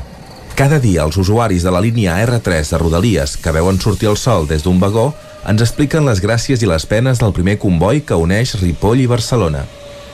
Benvinguts a Tren d'Alba. Avui us donaré una informació de servei i és que una vaga de ferrocarrils francesos, que en principi està previst que s'allargui fins a mitjans de desembre, afecta els trens de l'R11 que enllacen amb Cervera de la Marenda, el Rosselló i, com no, amb la nostra estimada R3, que acaba el seu recorregut a la Tour de Carol, a l'Alta Cerdanya. En un avís que va publicar a la seva pàgina web, Renfe ha explicat que amb motiu d'aquesta aturada dels combois no poden arribar fins al final de la línia. Així doncs, l'operador només garanteix la mobilitat fins a les dues estacions limítrofes a la frontera, fins a Puigcerdà, vaja. Això sí, recordeu que hi ha les obres del túnel de Toses que ja dificulten de per si aquest viatge. Poques ganes ens quedaran per fer aquest trajecte després d'aquest any. Va, que us deixo amb la crònica de la Núria perquè ens expliqui com li ha anat el viatge. Bon dia des de l'R3. Avui el dia s'ha despertat humit, però amb el cel clar, els cotxes ben ben glaçats. Segons el termòmetre del tren, feia 5 graus, hem arribat a Barcelona que en teníem 10, i pinta que avui no arribarem, o sigui, no passarem dels 14 graus, tot i que en principi, almenys a Vic, arribarem a un sota zero quan faci més fred. El viatge, com que ha estat amb el tren bala, ha estat força rapidet, la veritat, hem arribat només 6 minuts tard a Sant Andreu Arenal, i és clar, el fet de que no entri ni surti ningú, doncs clar, és molt més agradable de passar. Sembla que el tren li fa més,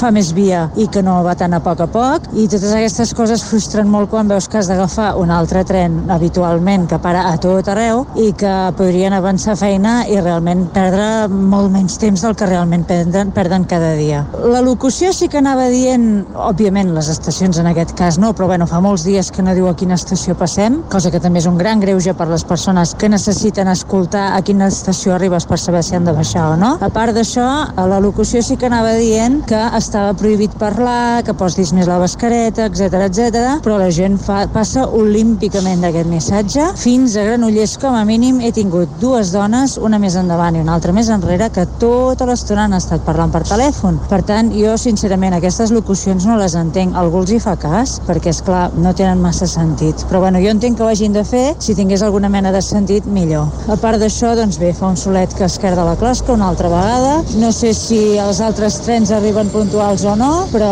el meu, la veritat és que ha estat un plaer i un goig poder viatjar tranquil·lament. Informar-vos que ja tinc el regal de l'amic invisible, no patiu més per mi, la veritat és que ja ho tinc resolt i em sembla que he trobat una bona cosa i que la meva cap estarà contenta. No sé si serà la meva amiga a partir d'ara o no, però com a mínim l'estaré cuidant, que aquest és el motiu del regal invisible o de les festes nadalenques, cuidar els altres. I bé, a part d'això, ja no cal que us expliqui gaire res més, desitjar-vos que acabeu de passar una molt bona setmana i ja em despedeixo fins la setmana vinent esperant que us cuideu molt i que disfruteu d'aquests dies. A partir de dilluns sembla que ja podrem voltar una mica més i que en lloc de quedar-nos només al poble podrem passar fins i tot a la comarca. Vinga, una abraçada, records des de la Núria de l'R3 i ens, ens escoltem la setmana vinent. Cuideu-vos molt, adeu-siau.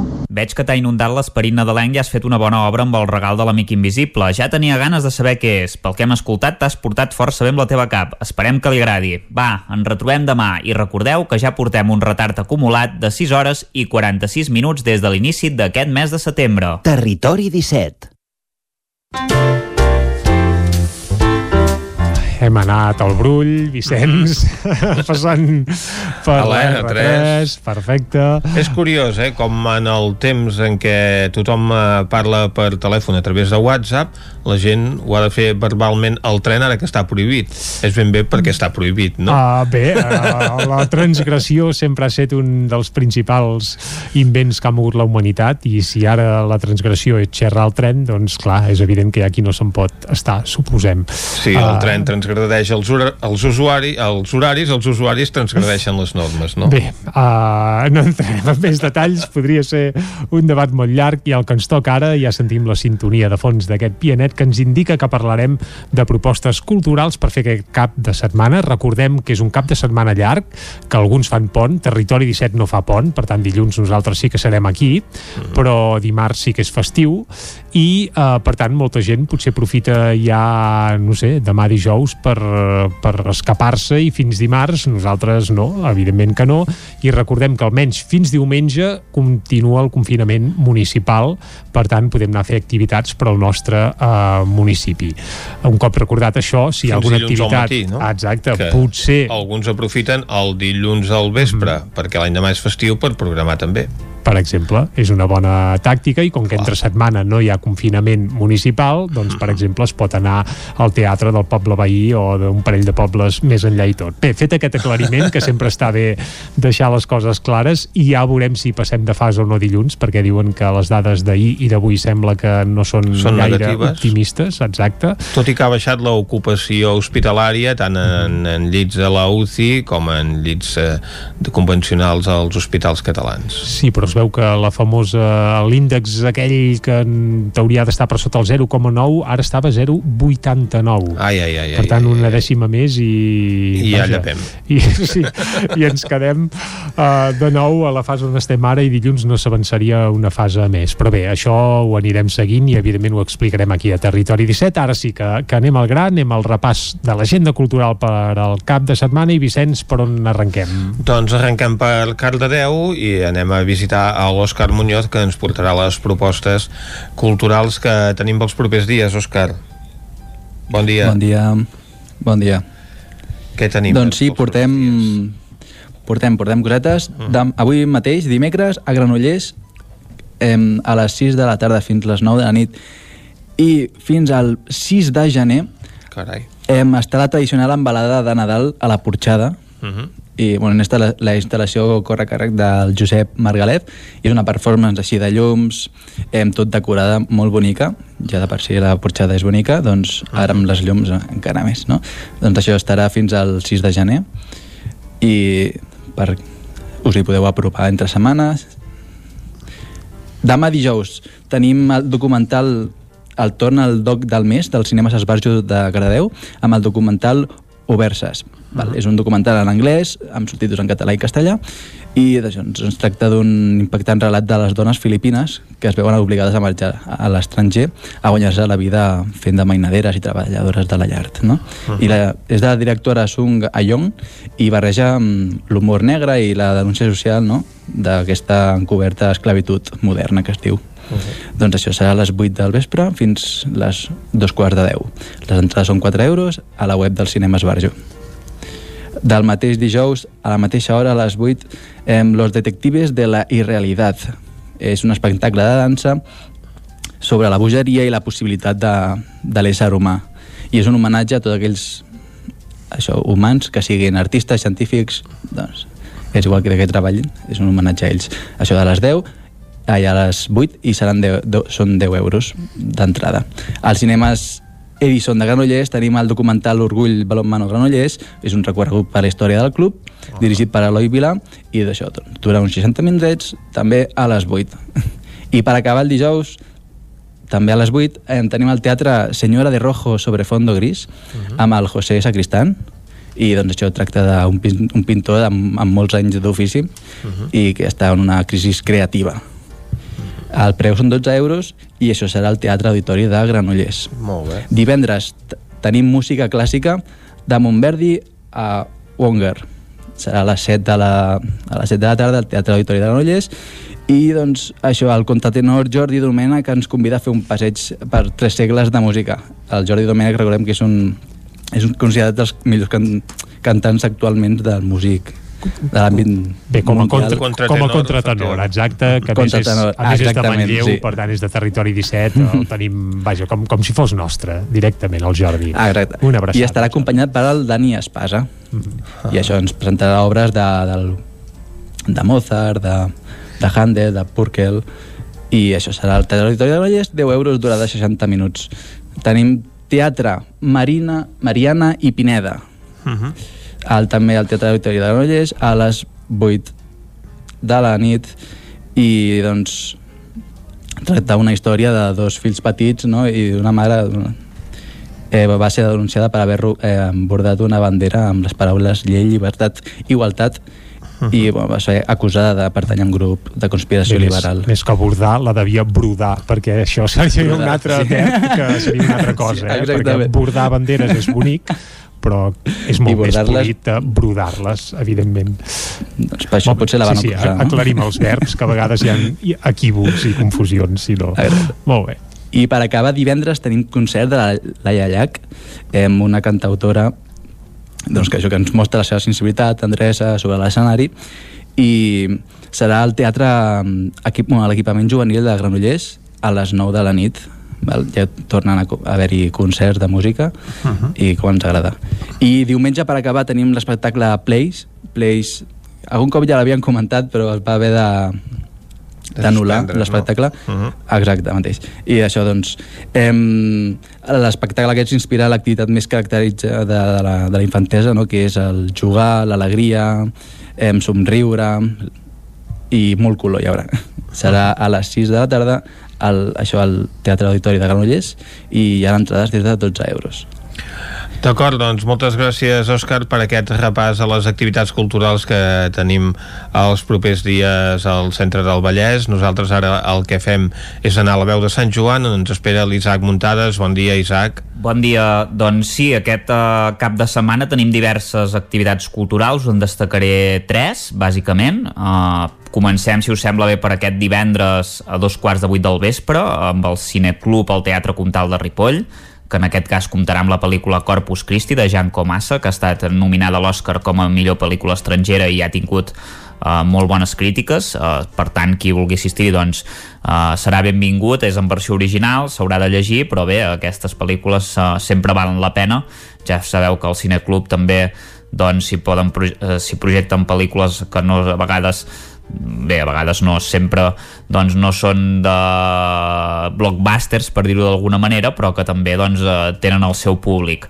També durant el, aquest cap de setmana a Camprodon es projectarà la pel·lícula Personal Assistant que és un film de música i relacions humanes per tant doble ració de cinema tant a Ripoll com, com a Camprodon per exemple i uh, uh, l'activitat més, més destacada que es farà durant aquest pont de la Puríssima uh, és a Ripoll, al Teatre Comtal. Concretament es tracta del Circuit Folk que és uh, la quinzena edició de la Puríssima Porta Folk i començarà aquest pròxim dilluns amb les actuacions de Coloma, Bertran i Ju i després Joan Garriga a les 6 de la tarda. I finalment doncs dimarts a la mateixa hora hi haurà els concerts de Jaume Arnella i Jordi Fàbregas i dels músics de la Llibertat de la Vall de Ribes i per qui vulgui assistir-hi doncs l'entrada val 5 euros i es pot comprar la taquilla una hora abans de l'inici del concert.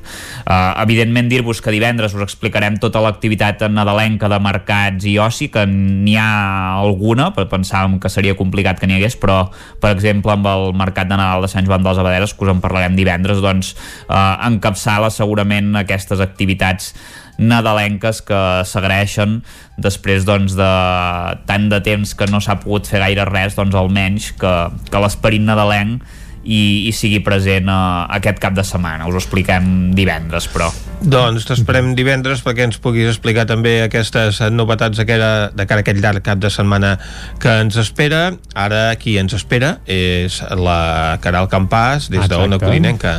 Caralt, bon dia. Hola, bon dia. Quines propostes tenim? Doncs mira, ara l'agenda la, cultural ja fa més goig eh, que les últimes setmanes. Ja està. Um, Sí, comencem pel Moianès, si us sembla. Tenim teatre, propostes teatrals. Uh Mhm. -huh. Al Centre d'Espai Escènic de Castellterçol, aquest dissabte, uh, hi ha l'obra Witch, uh, Bruixa. Uh, és una obra de Maria Ten i és a les, a les 8 del vespre, com deia, al Centre Espai Escènic. I l'altra uh -huh. proposta teatral que tenim també a la zona del Moianès, en aquest cas és a Sant Quirze de Safaja. La setmana passada comentàvem que hi havia aquest cicle de teatre Sant Quirze de Safaja amb l'obra Playoff de Marta Butxaca uh -huh. i uh, aquest diumenge continua i acaba aquest cicle amb l'obra Només una vegada, també de la mateixa autora Marta Butxaca, a càrrec del grup de teatre ACR de Fals. Uh -huh. I anem cap a Vigues i Riells perquè just avui han fet públic el seu programa d'actes nadalencs que va força carregat i us comentaré les activitats culturals que tenim previstes per aquest uh, cap de setmana. Molt bé. Um, ja comença aquest mateix divendres aquesta programació nadalenca amb un concert que, bé, no és de Nadal, però també és interessant. És un concert acústic a d'Hotel Cochambre, Mhm. que, que el estarà- cotxambre diu, en acústic, això Sí, eh, és- té el seu què. Exacte. Uh, de fet, ells uh, diuen que és un espectacle, concert acústic, on les cançons, cançons es barregen amb l'humor en un show improvisat i hilarant. S'ha de veure, a veure com serà aquesta, aquest concert en acústic. Uh, Això és a Vigues i Riells, al Teatre Auditori Polivalent, aquest divendres a les 8 del vespre, i cal inscripció prèvia uh, trucant a l'Ajuntament. El, el preu de l'entrada és de 10 euros.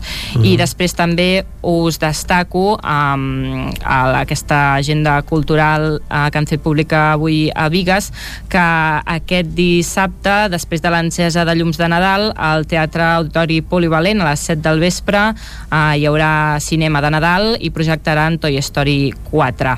Molt bé. I acabo amb Caldes de Montbui eh, i aquí també tenim mm, música en aquest cas. Eh, aquest dissabte a les 12 del matí hi ha un concert del grup Cable Obsession format per quatre noies molt joves de l'Escola de Música Calderina Tot Música i això serà aquest concert, com deia, aquest dissabte a les 12 del matí a la plaça Molí de l'Esclop. Molt bé, doncs eh, déu nhi les iniciatives que van sorgint, això està molt bé. Qui també en té ara per explicar-nos és en Jordi Vilarrodà. Bon dia, Jordi. Hola, molt bon dia. Explica'ns una mica quin és el panorama cultural a la comarca d'Osona. Sí, doncs bé, eh, tenim algunes coses, no moltes, perquè uh -huh. aquest cap de setmana és aquell que habitualment, eh, per exemple, els teatres públics s'acostumaven a programar molt poques coses, perquè, clar, era el cap de setmana del mercat medieval, i uh -huh. que tothom era un mercat medieval. Doncs ara, Sí, sí. ens hem quedat sense mercat medieval i sense gaire programació. sense les dues coses. Però vaja, algunes El coses hi ha. confinament municipal alguna cosa també hi té a veure. Algunes coses hi ha, això també. Uh, a veure, tenim, tenim uh, justament aquest dijous, uh, tenim Teatre a l'Atlàntida. Tenim una obra de teatre que s'havia d'haver fet el dissabte passat i que al final es va decidir no fer-la perquè la majoria del públic que hi havia, o una part substancial, era gent que no era de Vic i per tant no es podien desplaçar amb el confinament local.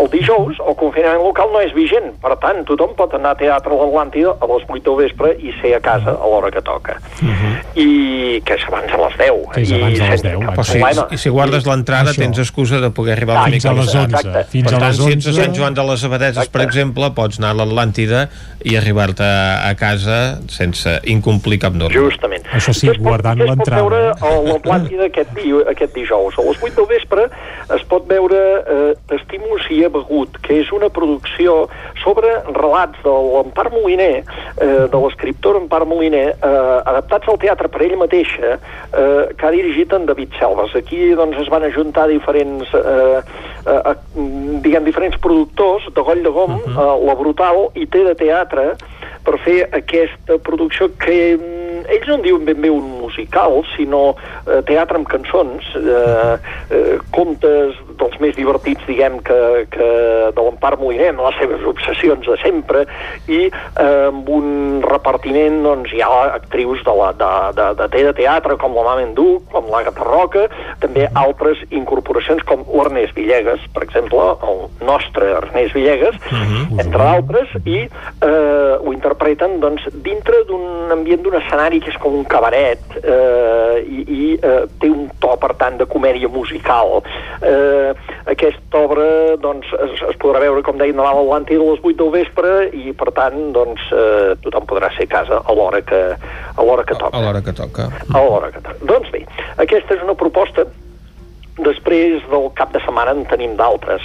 Uh, una d'elles també és teatral, el Teatre Centre de Manlleu, que torna a l'activitat també aquest dissabte, mm, tot i que no és en el mateix Teatre Centre, sinó a l'Espai Rossinyol, que és la seu de l'associació Teatre Centre, amb De Generate Mucho, que és un espectacle de les XL, que són la Nia Cortijo i la manlleuenca Marta Sitjà, creadores doncs, que ja porten un temps treballant juntes, fent propostes teatrals des del teatre podríem dir doncs, eh, que també toca a vegades amb la música, amb l'humor, etc i que en aquesta ocasió, en aquest cas de Te Generate Mucho, parla d'identitats, eh, d'identitats eh, de, de, de, de tot tipus, d'identitats de gènere, etc etc. Sobretot eh, d'aquest- d'aquesta, no? I, i de, la, de trencar la binarietat de blanc-negre i bo i dolent i yin-yang i masculí i femení, no? I, i, i, explicant això des d'un punt de vista doncs, eh, d'humor també i, i de, eh, tot i que hi hagi aquest contingut doncs, des d'un punt de vista molt, molt, molt d'humor. Eh, això serà el dissabte a les 7 de la tarda a l'Espai Rossinyol del Teatre Centre de Manlleu i també el mateix dissabte tenim al Museu de la Torneria de la Vall del Gès, el Museu de la Torneria de Torelló, eh, l'inici d'un cicle en què es tornarà a representar Torneriejant. Torneriejant era un muntatge que feia un recorregut a partir del teatre pel Museu de la Torneria de Torelló, que es va estrenar justament quan es va estrenar el mateix museu. I a través de dos actors, que seran en aquest cas la Nàdia Passarrodona i l'Oriol Roca, i d'un músic que els acompanya amb l'acordió diatònic, que és l'Amadeu Rossell, es va fent aquest passeig teatral i musical pel museu. Aquest dissabte serà el primer d'una sèrie de, de dissabtes i diumenges també en què es farà aquest espectacle. Per exemple, aquest dissabte doncs, serà a les 8 del vespre, el diumenge a les 6 de la tarda. Però això també es podrà veure en dissabtes i diumenges successius del mes de desembre fins, fins a arribar a Nadal. I, per tant, doncs, és una, una forma mm, original de poder visitar doncs, el, el Museu de la Torneria al mateix temps que es gaudeix d'un muntatge teatral. Eh, anem per més coses, en aquest cas, doncs eh, ja ens n'anem al, al, el, diume, perdó, el dissabte també, el dissabte, sí, sí, sí, tant, eh, tenim encara una altra cosa, que és el concert de la principal de la Bisbal, a l'Esquirol en motiu de la festa de la gent gran. Eh, és un concert que es farà al pavelló dos quarts de sis de la tarda, el concert eh, que porta per títol Mar i Muntanya, amb la cobla orquestra acompanyada de la cantant Esther Busque, Buqueres, perdó, eh, i que serà gratuït per a les persones que tinguin més de 65 anys i que estiguin empadronades a l'Esquirol. Important recordar això també. La resta també poden comprar entrades doncs, tota aquesta setmana a l'Ajuntament. Eh, I és clar, evidentment, doncs, eh, hi haurà disposició de cadires segons la normativa de Covid-19 i tota la seguretat que demana aquest moment. Un pavelló dona per molt. Aquest concert és un homenatge als diferents gèneres musicals eh, propis del país, de la manera, les cançons eterna, la sardana, etc. Tant, un repertori molt tradicional, segur que és d'aquests que, que farà les delícies d'aquest d'aquest públic. Eh, i eh, encara tenim una altra proposta, que és el Festival Itineràncies de Prats de Lluçanès. És la dotzena edició d'aquest festival que impulsa l'Ada Vilaró, una dona de teatres, sobretot vinguent del món de la dansa, però també la dansa, la performance, etc etc, uh, que és la que dirigeix doncs, aquest, aquesta, aquesta proposta. El Festival Itinerància es desplegarà en dos dies eh, a, a Prats de Lluçà, perdó, eh, es desplegarà només, perdó, perdó, eh, diumenge, diumenge només, uh -huh. diumenge, dèiem. Un Una jornada doncs. que comença amb música i dansa als Jardins de Calbac, eh, després a la tarda amb un espectacle que tindrà lloc a l'ermita de Sant Sebastià, que es diu, una, és una acció artística que es diu Llum, i Fosc, Llum en temps de foscor, que comptarà amb la participació de nens i nenes de de primària de les escoles de Prats, i eh, eh, finalment, a dos quarts de set de la tarda, un espectacle de circ i música a la sala polivalent de Prats, de la companyia Pau Palau. Eh, aquesta és la proposta del Festival Itineràncies, aquest any també una mica més reduït per les circumstàncies que vivim, però que eh, no s'ha volgut deixar de fer a Prats de Lluçanès aquest diumenge. I, I això és el que tenim fins ara en aquest eh, cap de setmana, en aquest cap de setmana de propostes culturals que recordem algunes d'aquestes, doncs, esclar, parlem de Prats, parlem de Manlleu, però, però esclar, hem de recordar que només la gent de Prats, de Manlleu, etc podrà gaudir-ne perquè, mm, o de l'Esquirol, com dèiem, doncs perquè, perquè hi ha confinament local. Doncs aquest és el problema, malgrat tot, déu nhi la de propostes que duen a terme els diferents ajuntaments en aquest cap de setmana de pont. Esperem que acabi aquest confinament doncs, municipal i pugui haver com a mínim el confinament comarcal i també l'oferta cultural vagi millorant i la gent també tingui més possibilitats de poder sortir i passar una bona estona enriquint l'esperit. Si tot va bé, a partir de dilluns, si les dades anessin bé, doncs ja passaríem a aquesta fase comarcal i com a mínim doncs, aquestes propostes que fem des d'aquí a la ràdio doncs ja podríem pensar que la gent d'Osona doncs, ja, ja les pot gaudir així, sense, sense limitacions, només la d'horari, que aquesta sí que continua vigent a les 10 de la nit. I n'hi haurà per dies. L'horari també ens pressiona ara nosaltres Correcte. i és hora d'acomiadar-nos. Vinga, adeu-siau, tornem demà de les 9 del matí fins a les 12 del migdia. Adeu. Ciao. Territori 17, un magazín del nou FM. La veu de Sant Joan Ona Codinenca i Ràdio Cardedeu amb el suport de la xarxa. El nou FM.